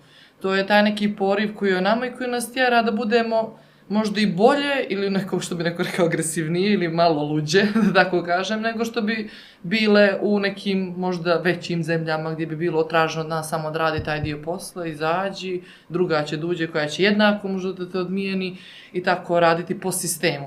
Mi smo jednostavno takve, vođene smo emocijama, vođene smo strašću i izlačimo te momente iz sebe koji možda ja vam kažem, ja kad sebe gledam nekad na terenu, ja kažem odakle, odakle, se nekad koga, odakle, koga ja privlačim Ko? ovime, da. prepadne se nekad, Da. ne zapitam se. Ali ozbiljno, koji je to tip muškaraca koji, koji sad Nemoj, da nemoj sad, koji sad da mi ima, koji mi je. ima hrabrosti da priđe kad ono vidi vas pre. Da, ono, ima li interesantnih anegdota? Znaš, eto, aj, recimo. Ja, ali ja razumijem da stvarno ne kažem da je to formiranje neki stereotip u viđenju nas, ali jednostavno mislim da je generalno teško ljudima, mislim teško i nama samima da razdvojimo da smo mi stvarno drugačije osobe u privatnom i javnom životu, jer mislim u rukometnom, ajde sad životu. Zbog toga, onaj, ja shvatam da je teško napraviti granicu i razdvojiti te dvije osobe, ali jednostavno to zavisi od ljepote oku posmatrača, ja ću uvijek da kažem. I ja ne mogu da, da, ne znam, ne mogu ja biti ni dovoljno dobar, ni dovoljno lijep, ni dovoljno kulturni ili neko, ili nekako kontra ako je taj neko koji mene doživljava na svoj način, to je jednostavno do te osobe.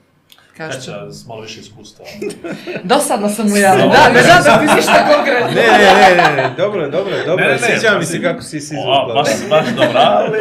Vješt. Ne, pa mislim, živimo u jednom patriarhalnom društvu koje jednostavno ženu ne predstavlja kako bi trebalo, jel? I vi vjerovatno mnogim situacijama ste izgledali previše dominantno možda za neku mušku populaciju i tako dalje. I da jednostavno neka posebna fela vam prilazila, nije prilazila, pokušavala, razmišljala, ne znam. Ne smijemo samo kažemo muškarac. jel? Tako je. Vrijeme je Moramo tako budemo da korektni skroz, možemo moramo- da pričamo Na o sve krugove moramo da Da, mislimo. sve krugove moramo da se- Ali stvarno, jel ima tu nekakvih ono... Pa ja ću da počnem od kraja ovaj, Da, da, svoje naravno. karijere i svega, ovaj, da neka, ovaj, a, moj sadašnji suprug mene uopšte nije gledao kao kaću rukometašicu, nego jednostavno kao neko normalno biće žensko koje se bavi biće. nekim A poslom. znao je čime se baviš, jel? Pa znao je čime E, se dobro, bavim, ali ovaj, nije, nije me posmatrao tako i niti je bio neko ko je nešto normalno pratio rukomet, sigurno svi u Crnoj Gori prate rukomet, ali nije me uopšte doživljavao tako kao kaću rukometašicu i mislim da je to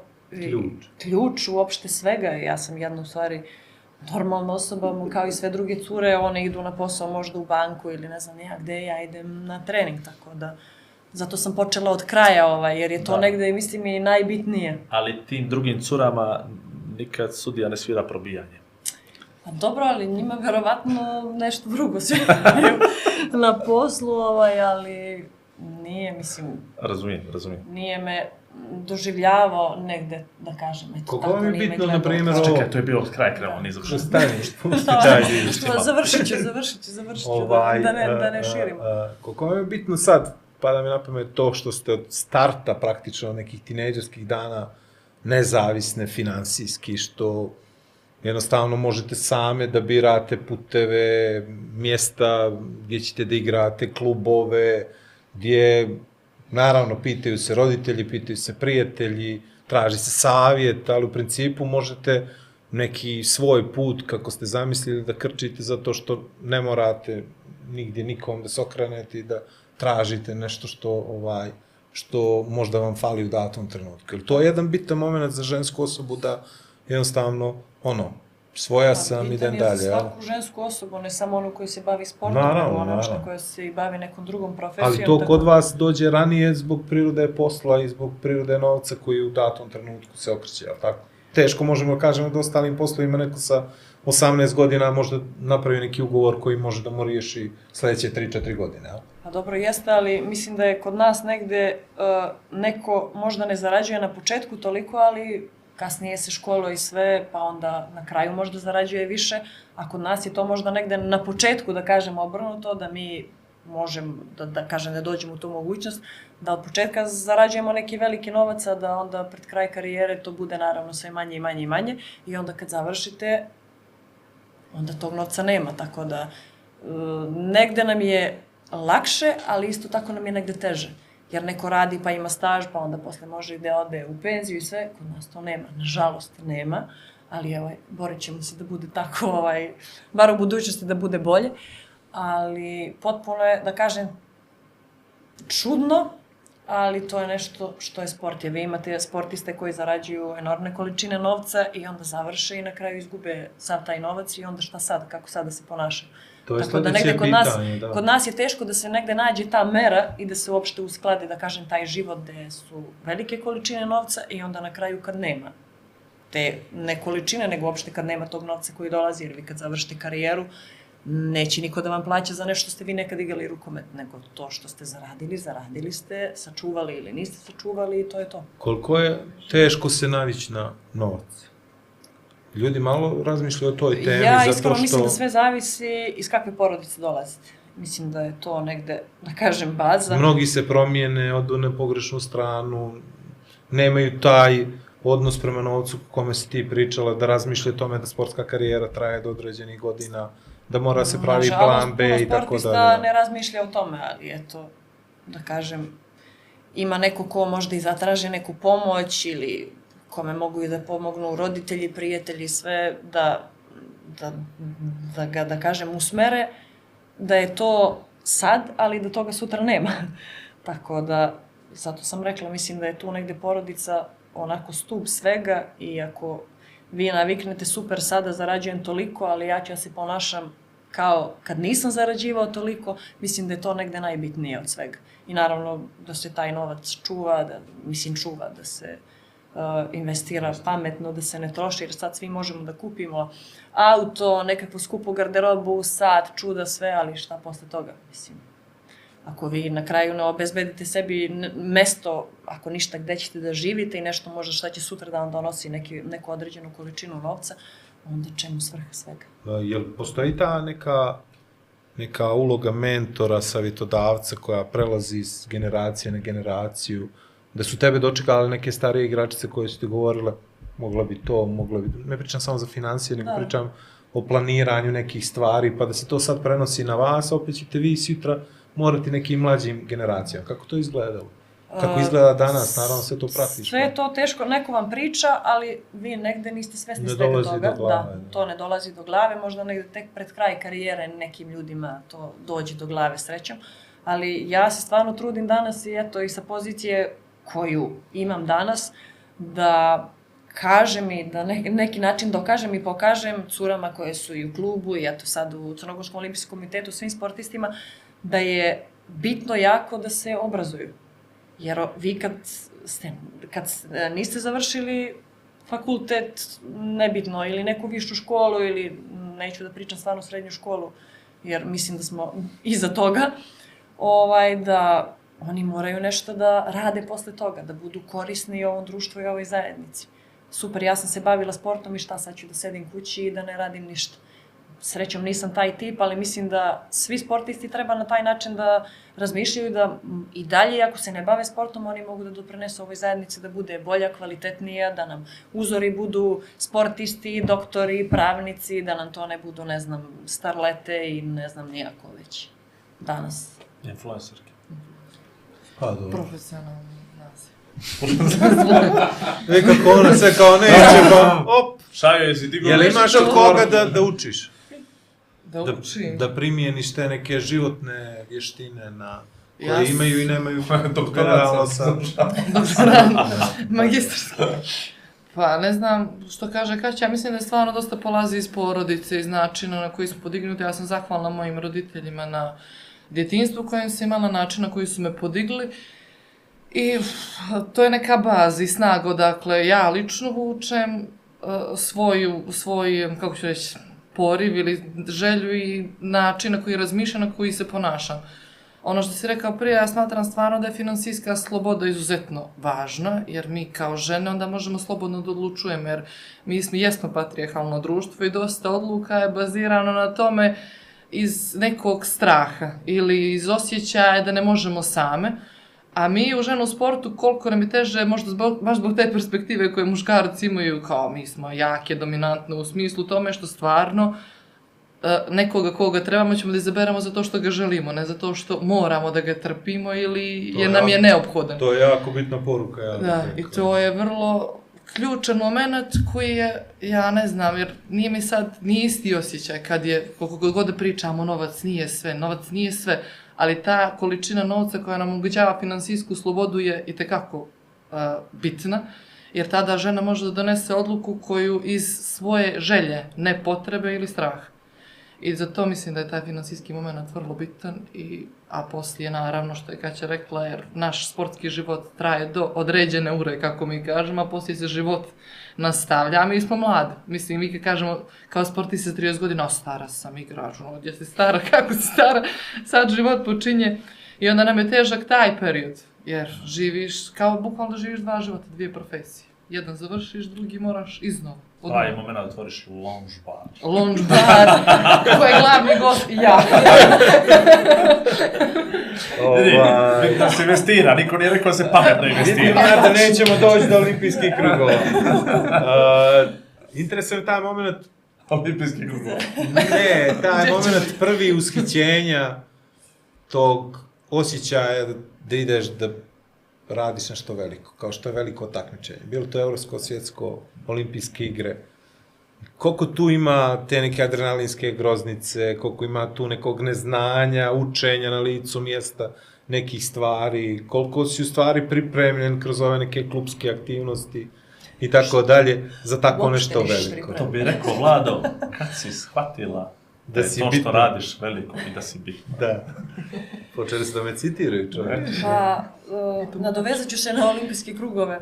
Ovaj, uh, svetsko i evropsko prvenstvo je potpuno drugačije od olimpijskih igara i olimpijske igre su potpuno drugačije od svega uopšte u sportu. Tako da, koliko god vas neko spremao za to i rekao vam super, vi sad kad uđete u olimpijsko selo, pa vidjet ćete tamo, ne znam, tog sportistu, tog sve.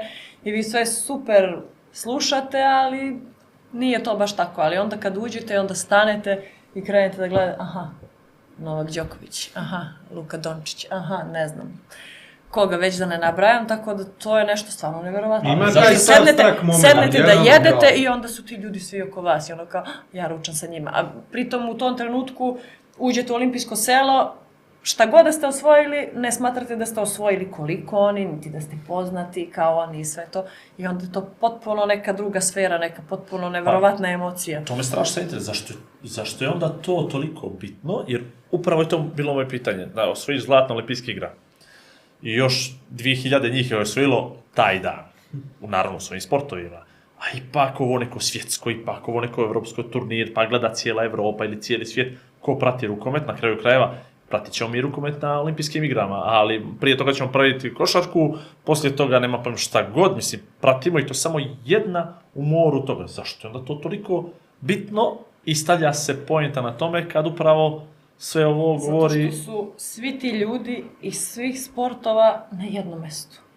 I vi možete da budete u istom restoranu, možete da sedite u istom kafiću tamo da pijete kafu, sve da pričate sa njima, a inače kad odete na prvenstvo, to su vam samo ljudi iz košarke, rukometa ili nekog drugog Da. sporta, a ovako su svi sportovi na jednom mestu i to je nešto to što ne možete vi da objasnite ljudima, ne znam, ne ja može prvi put kad sam bila na olimpijskim igrama, svi su recimo, ne znam, iznajme biciklo da bi jurali Bolta da se slikaju sa njim i to je stvarno bilo ono, wow. Jer ja mislim isto to da je istorijski bilo da sport spaja, da je to period kad je mir, kad je kad su svi, sve nacije, da. ratovi pre sve nacije bile u miru, samo do toga da bi se sportisti okupili na jedno mjesto, predstavljali svoje nacije i na taj način predstavljali neku fair borbu i tu ko je bio na tim borilištima u smislu fair playa i moći, nadmoći fizičke ili psihičke, bio bolji tu i ta borba se vrednovala mimo svih ostalih. Ja mislim da ta sama poruka sporta i olimpijade bitna, da je sport taj koji spaja i u sportu možemo da pokažemo ako smo najbolji i da na taj način obradujemo našu naciju, mislim. Da, tu ima jedan moment, ja mislim, ono, pripadnosti veličini, onako, zato što si ti u tom Građanin trenutku... svijeta. Pa da, između ostalo građani svijeta, ali ne građani svijeta, običan građani svijeta, kao obični smrtnici, što ja volim da kažem, nego jednostavno građani svijeta koji je najbolji u nečemu, bilo čemu, jel, od onoga što gađa one glinene golubove, pa do, ne znam, Bolta ili, ili Đokovića, vi ste tu zato što ste odabrani i prošli ste sito i rešeto da bi došli do toga, jer evo sami vidimo kakav je taj proces kvalifikacija sam za olimpijske igre koji je izuzetno težak i naporan, pa morate da prođete jednu, pa drugu, pa treću neku prepreku, pa da se borite za neko domaćinstvo, pa da uložite neki novac, da bi na kraju ovaj uspjeli da, da, da se pojavite tamo. Mene, Da se ono- osjetite na kraju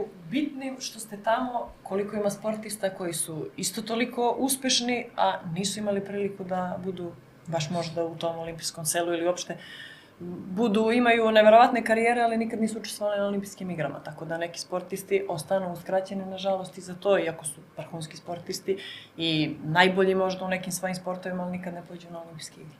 Nešto što stalno čini mi se podrazumijevamo, ne bi trebalo, to je ta efekat koji imate tokom pripremnog perioda, gdje praktično jedna ekipa, grupa ljudi, nebitno da su to rukometašice, rukometaši, bilo koji sport, koji morate prođeti zajedno i koji je izuzetno intenzivan, rekao bih. I može da bude s jedne strane vrlo bitan za dobru atmosferu, s druge strane može da bude destruktivan, jer opet, balon velikih očekivanja, jedna priča, druga može sve da poruši. Ko je tu bitan, najbitniji, da održi taj nivo motivacije, da li to nosi neki lider, neću da kažem alfa mužija, zato što ste... da li postoji neki lider, da li postoji neko ko je motivacijani govornik, da li je tu stručni štab, da li je tu... Kako to izgleda kod, kod vas, kroz generacije? Da li se tu prepoznaje jedna osoba oko koje se sve vrti ili jednostavno može da se tu napravi neka grupa koja funkcioniše na istim frekvencijama, a imamo ono, i kroz istoriju i kroz našu reprezentaciju da se ne lažemo, bilo je s jedne strane dobrih atmosfera, momenta, sa druge strane jednostavno neke stvari se nisu poklopile i nije bilo dobro. Mislim da je tu, što se bar nas tiče, trener bio taj koji je najbitniji. I uopšte ekipa koju on izabere, koju on povede ili ona, nebitno je, ovaj, da je to nešto što oni prepoznaju od samog početka. Oni biraju tim koji, i oni su svesni toga da taj tim zna i može da se nosi sa svim tim što donosi uopšte sam taj ulazak, recimo, u olimpijsko selo. Tako da mislim da je tu trener onako najbitniji. Koliko je njemu tu teško, njoj? Jer, na primjer, svi ste, jer ste svi, svi smo mi različitih Tako i temperamenata i mentaliteta i različitog odugoja i vaspitanja i nekome je nešto bitnije, nekome manje bitno. Neću da ono to nekako generalizujem, ali sigurno nekome ko je na trećim olimpijskim igrama ne može da bude isti osjećaj kao nekome ko je na prvim. I sa druge strane, i što se tiče iskustva svega, zbog želje možda u nekom momentu prošlo se, vidjelo se i tako dalje. Ovaj, koliko tu nijansi ima različitih koje mora čovjek da pripremi, planova B, C i D, onda negdje i nekog ajde, sad da tražim izraz, teško ću ga naći, da mi se ne uvrijedi pola Crne Gore, ali ovaj, dosta mi je da, da mi se Jovanko uvrijedi. ovaj, koliko tu treba da se svakoj od vas priđe na jedan poseban način, da se objasni uloga i da se nekako shvati da ste bitne od početka, pa od one prve pa do posljednje koja ima neku minutažu ili nema, ima igračica koje ni ne uđu. Pa sad, tako? koliko je to teško da neko objasni, trener jedan, ovaj, selektor nebitno, o, svako je bitan. I svako ko je pošao tamo, sigurno i trener, recimo kad je Evropsko i svetsko prvenstvo, opet ima, da kažem, i dve ili tri više mogućnosti da to bude dva ili tri više igrača, ali kad su olimpijski igre, to je određeni broj, taj je kakav je i onda im je u tom trenutku još teže ko će da ide i ko će da ostane kući. I svaka ta cura koja je na spisku jednako je bitna. Da li ona davala 10 golova ili ona nosila onu vreću džak sa loptama, svaka je ali baš i svaka, Svaka bitna. Mislim, koliko god sad to da ljudima onako izgleda uh, čudno, ali je svaka bitna, jer i ta što možda nosi tu vreću, je najmlađa je, nosi vreću sa loptama i sve, ona je možda super za atmosferu. I ona možda kad, ne znam, TikTokova ja igram, snima. kad ja igram loše, ona će kaže, ma ajde, nema veze, ne, ne znam, tu prosuće neki vic ili nešto, pa svi ćemo se nasmeti i to će se zaboravi, ali svako je bitan i svako ima neki svoj zadatak. Neko da daje golove, neko asistencije, neko za atmosferu, neko za muziku. Svako je na svoj način bitan. Ko je god tamo, znači isto je Zaslužio bio to, najmlađi, da. bio, zaslužio je to i tu ne treba da se, da kažem, raspravlja o tome, iako verovatno imamo ovih kritičara i zašto pišu komentare, pa bi oni poveli nekog drugog umesto To, nekog, ovaj, ali... ovaj, ovaj, tamo. A kaži mi koliko je različit uh, olimpijski turnir od uh, ovoga turnira sa svjetskog prvenstva. Po Ok. kvalitetu, prije sve. Pro, ok. Re, pričaj mi malo o tome, a baš mi, eto, tebe sam jedva dočekao da se vidimo, pričamo o tome. Izvolite, to je pitanje. Nebitan sam. Koliko je, to, apsolutno. Koliko su satnice drugačije, ide li to, utiče li to na, na, na igru kompletnu, nekad vas se desi u 10 ujutru, 9 ujutru, i tamo po njihovom vremenu, naravno, ne po, ne po našem, da se igra. O, koliko to bude drugačiji i osjećaj sve, pogotovo dok se ne zagrije, dok se ne dođe do nekog Pa, nemamo puno vremena, da kažem, za to zagrevanje, iako je to neka druga vremenska zona, ako se turnir igra na nekom drugom kontinentu, to su, ide ranije, da bi, eto, da kažem, da bi se prilagodili na tu zonu. Ovaj, ali drugačije, veći je pritisak, jer evo sad, ne znam, u aprilu igramo svaki dan, igra se tri dana za redom, tako da, a na prvenstvu opet imamo i neki, imamo dan pauze između i mislim da nije, ovo je stres od početka do kraja, od prve utakmice do zadnje utakmice, a ovde opet i na prvenstvu možda jedna može i da se kiksa, ovde ne može. Mislim, ne može, može, ali ne bi trebalo. Tako da mislim da je onako, ulog je dosta veliki, mislim da je veliki stres mnogo veći nego što je to na prvenstvu. To je onako dosta, da kažem, teže, da, da kad neka, od- da kažem, teža okolnost nego što je na prvenstvu. Na prvenstvu imamo jednu grupu, pa tu možemo da igramo dobro, pa onda imamo drugu, pa tu možemo da igramo još bolje, pa ako su već polufinali i borbe za medalju, tu je, tu je naše najbolje neko izdanje, a ovde nemamo vremena da kažem da uđemo taj proces onako lagano, nego od prve do zadnje utakmice i prva je teška i druga i treća sve onako, a na prvenstvu možda je to, ako je svetsko prvenstvo pa je prva utakmica neki da kažem slabiji protivnik, opet može tu da se uđe onako malo da se opuste sve igračice, a ovo je stres od početka do kraja. O, jedan moment čini mi se koji nekako podrazumijevamo, možda bi trebalo da se priča o tome, to je, na primjer, vi ste imali to sad, uh, kad ne zavisite same od sebe. Na primjer, ja sam bio apsolutno ubijeđen da vi ne možete da dobijete onu švedsku, pa šta god da je bilo tog dana na terenu, zato što ste, pretpostavljam, mentalno, psihološki, fizički se istrošili gledajući, prateći ono što se desilo, na primjer, na utakmici između Mađarske i Hrvatske i da je potpuno meni normalno da odigrate svoju najbolju partiju zato što ste već dva sata bili u potpuno drugoj nekoj utakmici. Koliko je to, na primjer, za ove lajke, za one koji ne mogu to da pre, prepoznaju, ovaj, ajde da objasniš kakav je taj moment uh, kad je- Gina stoji, čeka da se završi i A mi onda... svi čekamo nju. A vi, a vi praktično znate da je, jeli, niste mogli da taj dan ne, ne dođete u salu i da nemate pojma šta se dešava i tako Da. dalje. To nema šanse da se isključite, je li tako? Jeste, Koliko mi- to teško za sportistu da ne zavisi od sebe? Pa, teško je, u smislu, kako ću reći, te, teško je čudno nekako da je nešto van vaših ruku, ne znam, da nešto može neko drugi iza vas da završi, da kao što je Mađarska u- u- praktički za nas uradila.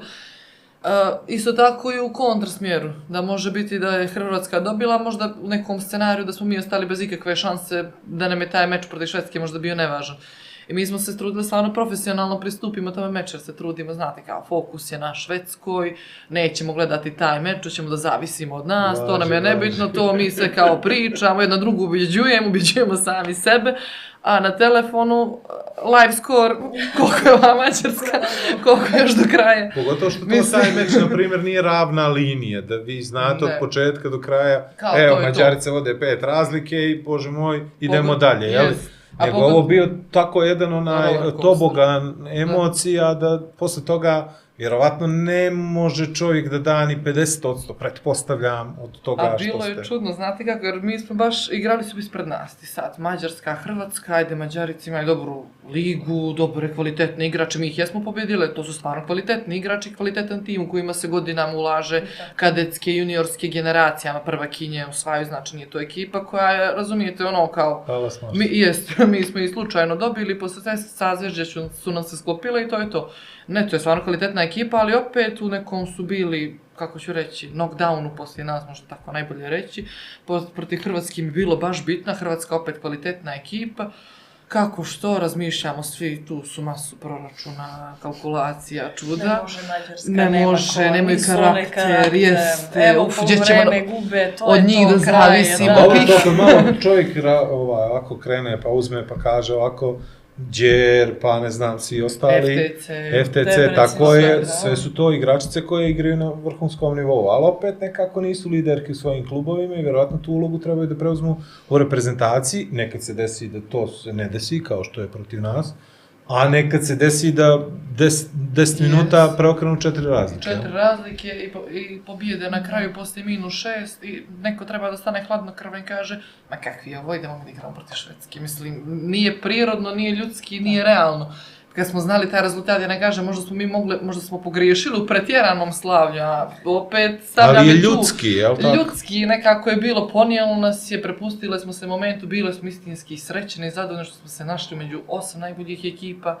I jednostavno ja sam tada rekla poslije utakmice, naš fokus nije bio isti na Švedsku prije i poslije te pobjede Mađarske. Mislim, bilo je kako je bilo, ja kažem, ne, naša dobra utakmica, mislim, potpuno neki, i tu je roller coaster bio, išli smo, igrali smo dobro, onda katastrofalno i na kraju utakmica koja nije imala rezultatski značaj, mislim i jeste u nekom momentu za ko će biti lider grupe, ali nebitno, mi smo se u nekom momentu zadovoljile tom činjenicom da smo prošli osam najboljih i to u tome smo se, u tome smo stale možda. Kažem, greška, ali opet, možda greške, jer, kažem, mlade smo, Volio možda i bih- neiskusne, Da, da, volio bih ja, neiskustvo. da, da. Najradije bi mi sad da smo mogli... Volio bih ja da se nađu neki u vašoj toj slačionici baš pred tu utakmicu i sa tim okolnostima, Nemoguće, pa da vidim ja. kako bi bili iskusni oni, bez obzira na godine i To Pa je da. trener, treba bolje da, da, pogotovo Da, ovi da. neki... Sve vas da je trener kriv. vas da je trener kriv. Ovaj, Nije, šta je, da im uzmu telefone, da se ne zna A rezultat. džabe, Da, da, da, priznaću. vode.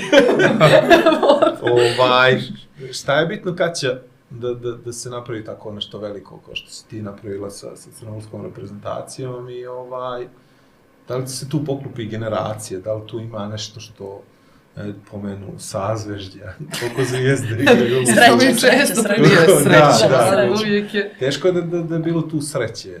Ovaj, mislim da se tu baš ono lomilo ovaj, na, na, na nekim detaljima na kraju koji su Pa na mislim kraju samo da je odlučile bitno- više u našu, na našu stranu nego na stranu rivalki koje su opet bile vrhunske. Ne možemo da kažemo da smo iskoristili neku rupu generacijsku u ženskom rukometu pa da smo mi tu nešto uskočili. jel? Bitno je da se napravi ekipa, ali najbitnije od svega da se napravi tim. kad je pravi tim, onda možete da igrate protiv bilo koje ekipe i da znate da su bolji od vas, ali ako mi, bukvalno, što bi mi rekli, ginemo jedna za drugu, mislim da nema te ekipe koja u tom trenutku može da nas pobedi. Mi smo imali situacije kad smo igrali i ne znam, mene neko udari, što ja kažem, počisti pod, sa mnom udari me u bradu, ja padnem dole, super, one stvarno čiste pod, ono, jedva ustanem i ne znam, ja, dođe neko, ne znam, ne brini Kale, sad ćemo mi to da sredimo kad oni dođu u napad, tako da uvek smo imali tu neku ekipu koja se bodrila, bez obzira koliko recimo Tanja dobila, ne znam, kada kaže jao kako me ova uštinula ili nešto super, nemoj da brineš, sad ćemo mi to njoj da vratimo. Tako da mislim da je tim najbitniji. Ako smo mi stvarno pravi tim i ako hoćemo sve da uradimo jedna za drugu i ako nam nije bitno na kraju ko će da da koliko golova, ko će da ima koliko asistencija, e, ako nam je sve to nebitno, ako stavimo tim ispred, da kažem, sebe, mislim da ono, što kažu kod nas, ja sam rekla za njih, nebo je granica jer su oni stvarno sad napravili ekipu koja je pokazala od prve do zadnje utakmice su oni tim, bez obzira sa kim igrali, koliko im je teško bilo, eto i povreda Marte i sve uspeli su stvarno da, da na kraju prvenstva pokažu da su pravi tim, ne da su ekipa, nego da su tim. I mislim da je to najbitnije od svega i mislim da samo te ekipe koje pokažu da su ti mogu da prave neke vrhunske rezultate. Bez obzira da li neko igrao uh, 60 minuta ili uopšte sedeo na klupi tamo, Imao ali... ovakvu ili onakvu sezonu, igrao ili ovom ili onom klubu, na kojim različitim nivoima, sve takmičenje i tako dalje. Tako. Tako je. Meni je drago samo što smo, ovo što je Kaća, da se nadovežem na nju, rekla da smo mi stvarno stvorile tim i da ne možemo reći sad posle ovoga cijelog prvenstva da smo mi Mađarsku dobili slučajno. Da je to bio jedan dan, ja se stvarno volim da se našalim s tim našim sazvježđima, poklopile se zvijezde, jer mi često to komentarišemo kao sreće je bila. Nije sreće, jednostavno, Ušao Merkur u je ušao Merkur i ostale, izašao. I onda mi je to smiješno i našalim se neke na taj račun. Ali onaj stvarno nekako to je posebno zadovoljstvo jer dobili smo Mađarsku, poslije toga smo odigrali dobar turnir, imali smo dobre utakmice i dobre pobjede i na kraju prvenstva i ta ista Danska koja je po meni ima stvarno možda uz, eto kažem, Norvešku, što se i pokazalo, Norvešku i Francusku najkvalitetniji tim, nije se niko, kako ću reći, opuštao s nama, nije nas niko pocijenio, niko, niko, niko rekao kao lako ćemo s njima. Da. Do posljednjeg minuta igrali su s punom po, prvom postavom, borile se i na kraju, eto, sad ne volim da komentarišem puno, ali Alžirci su im trebali u nekim momentima i jednostavno opet to je sport. Pa Oni su slučajno sudili, baš je slučajno. Iz Alžira tamo je strašno dobra liga, ulažu, pa... Da, da. Inače, oni sude isto na vrhunskom nivou. Ovaj, ovaj dio s klubima smo fantastično radili. I njima ne mi nastavlja, ne, smo mi potpisali ugovor na svih pet epizoda ili jedno po jedno. Ništa, sakrićemo ovo, ovu prvu ćemo sakriti. ovaj, e, Se vratimo jedan moment, jedan, mo- dobro, ovo je predigra za olimpijske igre, realno. Jeste, realno. A, da se vratimo na taj moment suđenja. A, je li imate vi osjećaj ponekad da nekad neko sudi za vas?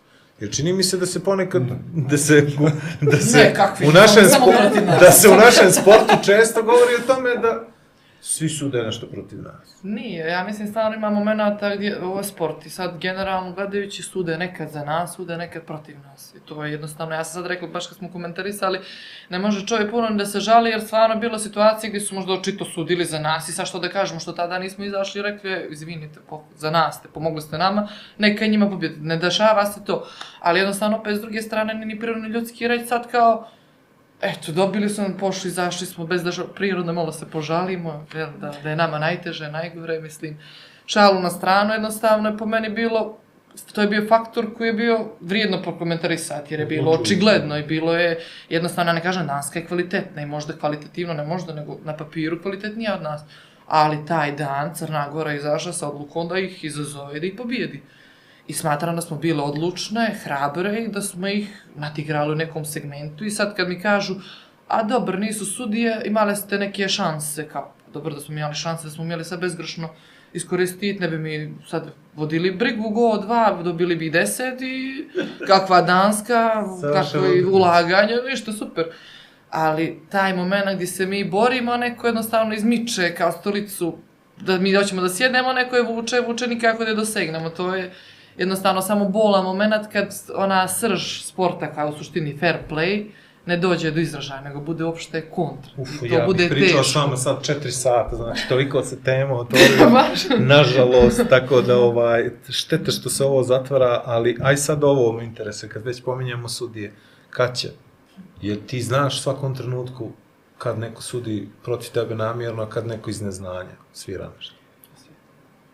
Pa, Osjeti li se to, na primjer, u Osjeti 15. se. minutu? Lupa, Pa dobro, ne, baš u možeš 15. sa prvom, ne možeš sa baš u prvom 15., odlukom, ali sa... to se vidi dve, tri odluke ako su u njihovu korist, ali mislim, više možemo Nebitno iskusniji da, da- da- da osetimo to sa strane, zato da. što uh, ne mogu slučajno da prave greške samo na jednu stranu. Ako ih prave, prave ih i tamo i tamo. Ali to se, mislim, prvih 20 minuta to se sve vidi na koju stranu će gde da ide ili možda kod već iskusnih sudija to se možda oseti Nama uglavnom u zavisi. drugom poluvremenu, da. U prvom poluvremenu je sve kako treba, a u drugom poluvremenu već onda promenimo skroz kriterijum, znači nije taj što je važio od početka, nego je potpuno neki drugi kao što je to sad bila situacija. Tako da, ali to se generalno vidi. Koliko može jedna odluka da promijeni tog susreta, to sam uvijek nekako razmišljao, da unese nekakvu nervozu kod vas da vi razmišljate o tome, bez obzira koja ona bila, da li je to neko isključenje, da li je to neko probijanje kad treba se da go, da li je to neki sedmerac koji nije. Je li moguće sa tim, na primjer, da neko potpuno okrene tok jedne utakmice? Kao što je sad bilo ovo za Itanu, ja sam kapirao da je on, ja sam želio da, da mislim da je on nju isključio zato što je ona mahala s dva prsta zbog tražila isključenja. A sa druge strane sam dobio tu informaciju da je isključio zbog radovanja. Tako da ono, ništa mi nije bilo jasno. Ali to su, na primjer, momenti koji A to, Ja- to je trenutak koji je odlučio utakmicu ili možda utakmicu protiv Hrvatske. Isto je se. Itana bila tu kad je Onaj dobila udarac karton, da. u lice, sudija uopšte nije želeo ni da ni pogleda, pogledao, Ja sam mu rekla niti čemu je hteo se bilo šta da čuje, iako kad dobijete udarac u lice, onda se stvarno vidi da je faca malo crvena, jer nije više kao što je bila do tada, ali jednostavno sudije žele to da vide u tim trenucima ili ne žele, tako da te odluke su nažalost samo njihove i ne možemo da utičemo na njih. Mo- mogu da nas iznerviraju, što se uglavnom i desi, ali ovaj, posebno u tim bitnim trenucima. Ali je nešto što ne možemo da promenimo. Mislim, videli smo to od Londona 2012. godine, da to ne možemo da promenimo i da će to uvek da se dešava. Nažalost, evo, Dobro, opet se dolaze desilo. ali- sestre Bonaventura ipak sad, ono nekako, jel? Bile su tu nešto da sude, jel? Pa da, bile su posle toga, da. Jel tako? I ništa, Bile opet, bili smo fini. Pa nek bi. Šta je bilo prvih dana, a posle? Bilo je da se traže po Francuskoj. Uh, za kraj, ne bih posle toga ništa pitao, više izvinjavam siguru, ali rekli si fair play, taj jedan moment. Gdje postoji taj, ima li kod vas neki taj limiter, ovo ću da uradim za pobjedu, a ima nešto što i ne bih uradio za pobjedu? Ne.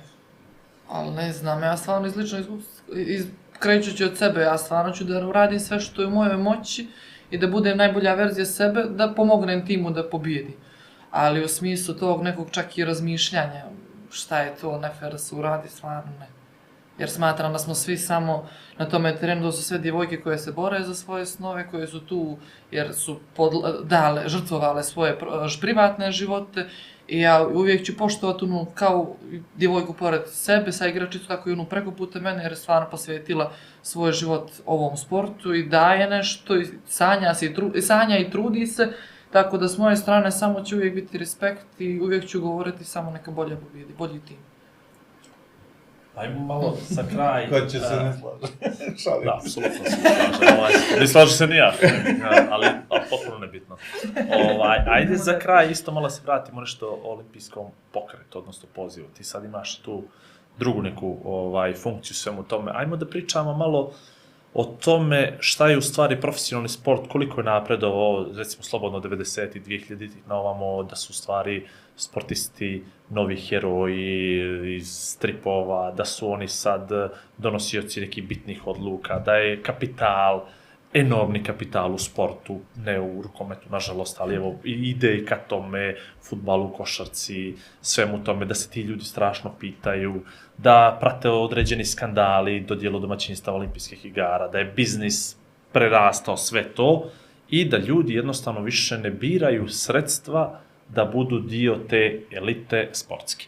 Nažalost, u svemu tome dolazi do određenih doping skandala, dolazi do uh, sudijske neke odluke koje protažiraju neke, ne pričamo sad samo o rukometu, pričamo o drugim sportovima, individualnim sportovima, sve nekako ide, to je, to je jedan veliki, ne znam kako bi ga nazvao, ne, ne bi ga nazvao biznis, ali zapravo jeste jedna ogromna mašinerija novca, kako biti čist u svemu tome i kako neko mali, kao što smo mi, Crna Gora, koliko u stvari sam čin nastupanja na nekim velikim takmičenjima poput olimpijskih igara ima značaj za nas, ovako male, i kako nekako ne dozvoliti ni jednim jedinim gestom sa naše strane da se ukalja taj sportski čisti obraz koji treba da izađe iz Crne Gore.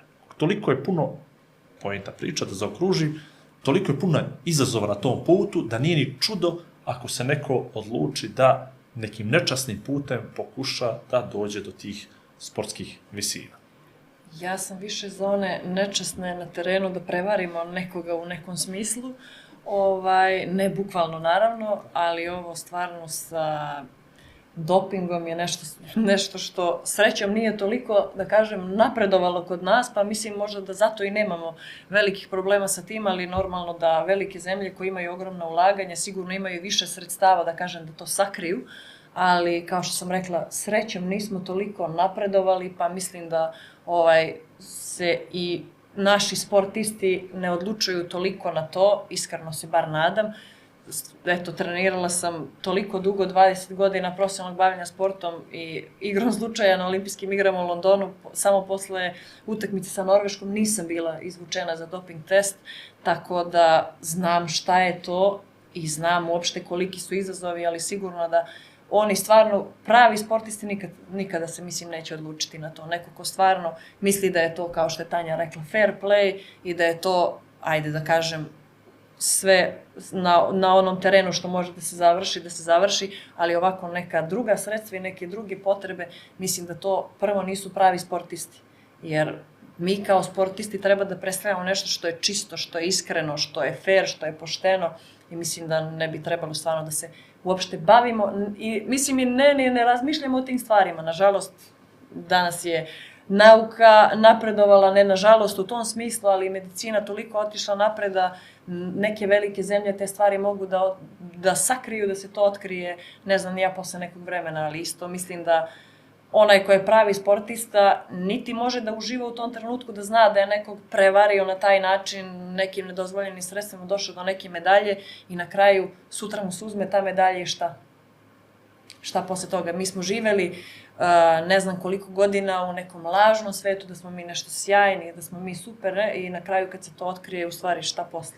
Kako izaći na ulicu posle toga? Mislim, ja kažem, ja uvek polazim prvo od sebe, pa onda onako, eto, verujem stvarno da su sportisti pre svega jedni časni ljudi i da ne bi trebali to sebi da dozvole. Ne Mislim, pos, posebno ne ovaj, kod nas, jer nama je stvarno i čast i treba da nam bude čast iz ovako male zemlje samo da pođemo na olimpijske igre, a ne da razmišljamo, ne znam, tamo o nekakvim velikim rezultatima i tome, tako da iz ovako male zemlje bilo koji sportista da pođe tamo, to je sami uspeh. I mislim da od toga i ljudi, mislim posebno oni koji se bave novinarstvom, ne bi trebali da prave nešto od toga sad nekakvo očekivanje, jer samim tim kad imamo neka očekivanja, mi smo sa onda, uh, da kažem, taj rezultat malo poništili, što uopšte neko pošao, što se kvalifikovao na olimpijske igre, a to je za nas stvarno nešto nevjerojatno kada je vidite sad, uh, kad se rukometašice budu kvalifikovale, koga su sve ostavili između sebe, koje sve reprezentacije, sa kojim sve ulaganjima, to je nešto neverovatno. Da uopšte samo pođemo tamo, a ne dođemo neku šansu da igramo za neku medalju. Naravno, kad pođemo tamo, svima su očekivanja velika, super, kad sam već došao ovde, ja hoću da osvajam medalju, ali sam taj čin da se pođe na olimpijske igre iz ovako male zemlje, iz ovako male baze, neverovatan uspeh. Možeš još da mi kažeš koji su to benefiti koje crnogorski sport ima od učestvovanja nekog našeg sportiste ili kluba kolektiva na olimpijskim igrama. Ovo što mi vidimo u redu, zadovoljava našu neku sujetu, potrebu, sve to ok, gledaju se olimpijske igre, gledale bi se i bez da iko pođe, ali ovako je mnogo ljepše, pa gledaš to otvaranje, pa čekaš tvoju zastavu, pa je super, pa neko nešto najavljuje, a znam nju, znam nju, a vidi bila mi u podcastu, znaš šta, to je super identifikacija, ali da li postoji još tu neki benefiti koje mi ne vidimo, a koje vi možda iz strukture, Ja iskreno Neke mislim vidite. da je to uh, jedna neverovatna promocija naše zemlje u svetu. Da uopšte mi pođemo tamo, pa jedan takmičar da pođe da nosi zastavu, pa je to nešto neverovatno. Ali samim tim i opšte za naš sport, za ulaganja, za sponzore koji tu dolaze, tako da mislim da su to neki benefiti, ali prvo sportisti, njima je najveći benefit, naravno je njihov najveći uspeh koliko sportista samo trenira i san im je da pođu na olimpijske igre. Tako da, a što se tiče države, nevjerovatna promocija i države i sponzora i svega i uopšte priliv novca koji će možda doći posle tih olimpijskih igara zbog nekog sportista ili sporta koji se kvalifikovao tamo, tako da, da kažem, to su benefiti sa ove neke druge strane. Ali za sportiste to je Čujeno Nešto sasvim drugo. vrijeme, na svim tim highlightsima, svim prenosima. Dobro, mislim, mi smo, i da tako kažem, dalje, mi smo me- još daleko iza toga, evo videli smo sada i što se rukometi tiče, tako da vreme utakmica kad igra Francuska je diktirala njihova televizija zbog TV prava i svega, tako da mislim da mi još treba da prođemo, da kažem da bi došli Da, do da, tog ja nivoa. mislim novo televizijsko ali- vrijeme širom svijeta gdje da. ljudi gledaju neku Crnu Goru koja se nadmeće sa najboljim državama svijeta, Posle pa se neko Londona i sigurno da su svi čuli ovaj, za Crnu Goru i ko nije znao Ovaj moment sportske administracije me interesuje. Ti si sad na drugoj strani. Tako je.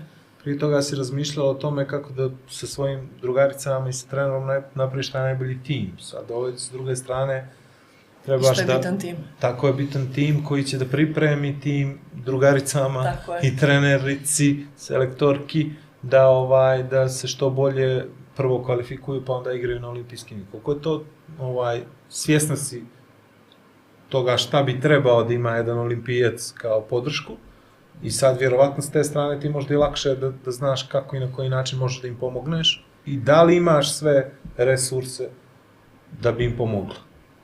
Pa da imamo sve resurse, nemamo, ali mislim da smo tu, da kažem, vrlo dobri da improvizujemo neke stvari, ali kao što si rekao, znam šta je jednom sportisti potrebno, tako da stvarno, eto, ne samo ja, nego i sve moje kolege u Crnogorskom olimpijskom komitetu, trudimo se da uvek svima izađemo u susret i da svi pođu onako da kažem spremni i da nemaju ni jedan drugi problem, samo taj kako će da pobede nekoga i kako će da spreme neku utakmicu ili trening, ali da sve to njima bude, da kažem, servirano, da bukvalno nemaju problema i uopšte, stvarno, svi se trudimo da to bude tako, a mislim stvarno da do sad i kako, kad smo učestvovali na olimpijskim igrama, da što se tiče Crnogorskog olimpijskog komiteta, da je to uvek bilo stvarno fenomenalno, tako da verujem, verujem da će sad, da kažem, iz moju podršku, koja bila sam na terenu, pa znam možda i još nešto što je potrebno, eto, bar da kažem što se ove ženske strane tiče, tako da ću uspeti da na taj način zadovoljim sve neke njihove kriterijume, da oni pođu tamo samo spremni da igraju, a da ne razmišljaju o nekim drugim problemima koje ćemo mi da rešimo. neko bolje ljepilo da dobije.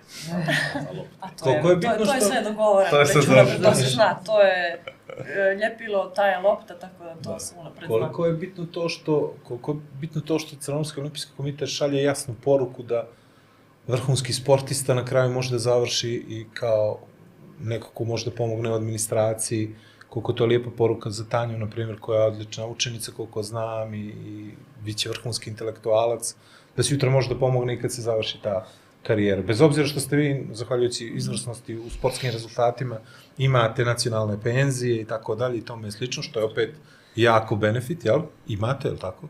Rekao, zacrvenje me. Do, on, Imate, to su jel samo tako? informacije. to su samo informacije ovaj koje sam ja dobio. Ko što serviraju nama I ko, za, u što sam se uvjerio kroz ove neke naše razgovore.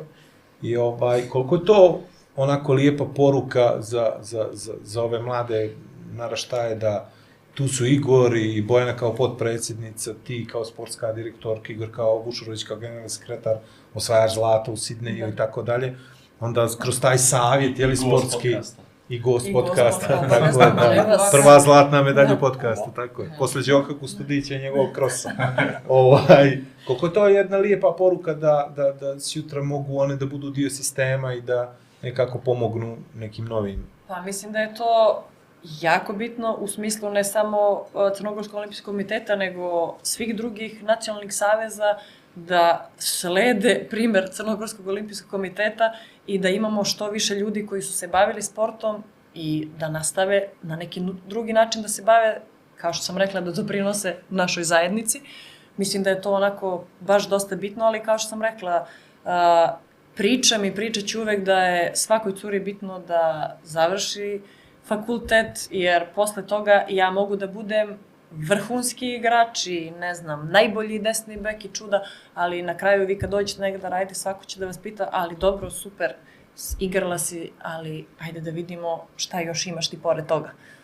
Tako da, mislim da je obrazovanje jako bitno i da, eto, kroz Crnogorski olimpijski komitet šaljemo ovakve poruke da sportisti treba da ostanu u sportu i da doprinose, bilo da je to u nekom savezu ili da su treneri, ali eto da ostanu u sportu na neki drugi način da bi eto sutra napravili neku novu Tanju, neku novu Bojanu, ne znam, Danku Kovinić, Milivoja Dukića, tako da mislim da je to onako baš jako bitno.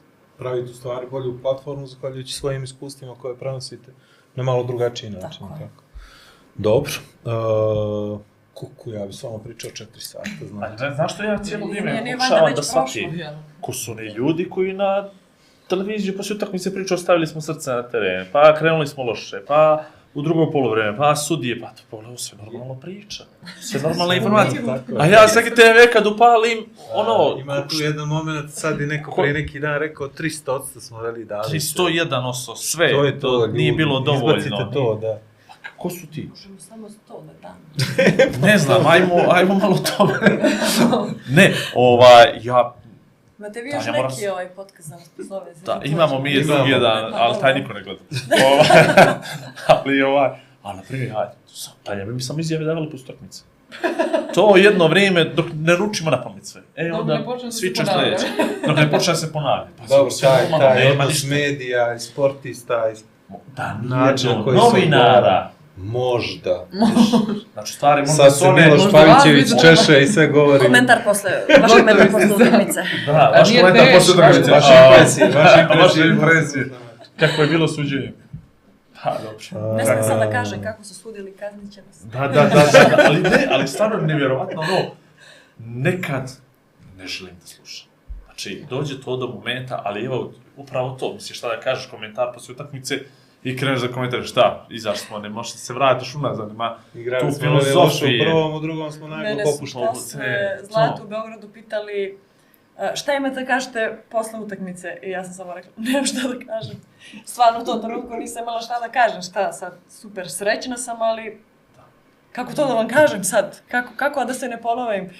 I onda to je onako baš bilo smešno, a vaš komentar, šta imate kažete posle, nemam šta da kažem. Do novinara, da. Dakle, zapravo nisu one uliko dobre kako smo nas dvojice izvukli iz njih. Eto tako. Sve ono kvalitetno što valja. Ja sam Bili ti znao to da tako ćeš- gledao? Ja sam znao da ćeš ti to nekako Fino pravilno da sročiš. Pravilno da formuliš. A da ne izgleda uopšte napad. A da ne izgleda napad, ne? Drage dame, a, hvala vam. Hvala na bilo- vremenu. Na vremenu od porodice, Tako je. Djeteta, muža. Đorđe, on je zamerio, ali dobro, ispravit ćete se vi. Tako je. Hvala vama. Ne, ne, ne, možeš ti još hvala vama, to ide drugi dio, nego prvo mi sam hvala vas. Skraćuje se. Ovaj, hvala, hvala i tebi Tanja zato što ovaj vremenski period od slijetanja u Podgoricu do momenta kad si ušla u podcast bio izuzetno kratak. Vi vidite kome ćete to da zahvalite. Da, Hvala Kaći što je dovela Tanju. da što Ne, je nema, birala. nema na čemu, Pa si nema sad, na čemu. ovo je bilo dosta, ovo je bilo dosta hrabro s tvoje strane, zato što si njoj dala prednost u odnosu na svih onih 16 ili koliko ih je već ostalo što su trenutno Ne, ali ja sad moram da se ispravim, možda negde malo izvučem, to ćete mom kolegi da se zahvalite Igoru. Ovaj. On je rekao, ajde molim te vidi sa Tanjom. Ja rekao, pa dobro, Tanja je sad baš došla, evo sad pre pet minuta su statile, ali molim te. Dobro, Tanja. Dobro, lijepo si izvukla, ovo je baš, baš Eto, interesantno. tako da. Ovaj, Imam ajde- sad na kraj, ajde, Tako ti. imamo ovaj posljednji dio podcasta gdje nam je jako bitno da nam vi kažete vaše iskustvo vezano za podcast, da progovorite po dvije, tri rečenice o Igoru Slobodno i o meni i ovaj i onda ste stvarno slobodni. Mislim da bi ovo trebali malo češće da radite, čisto da imamo priliku malo da se požalimo, izjadamo, možda neko, možda neko ovo gleda možda dođe do nekoga, dopre do nekoga, da možda bar nešto promenimo, da eto, sutra sportistima bude bolje nego što je bilo nama. Tako da, ovo je sve za dobrobit nekih naših budućih generacija. Hvala vam za kafu koju sam sama spremila. Nema na čemu. ste doneli, Kapsula je, kapsula je moja. Aparat. Tako da uživali smo, eto, stvarno verujem da će biti više ovakvih stvari, da možemo da pričamo i o nekim dobrim i o nekim manje dobrim stvarima, da ne kažem lošim u sportu, eto sve zarad nečega da nam sutra svima bude bolje. Rušimo stereotip, vraćamo se u realnost. Ne, ne, stvarno, hvala na ovome, na velikom gostoprinstvu i na ovome razgovoru. Stvarno sam uživala i nekako je baš brzo vrijeme prošlo, jer kad sam Kad ste mi rekli dva sata, treba I rekao, deset "Đe, dva, kako da. dva sata?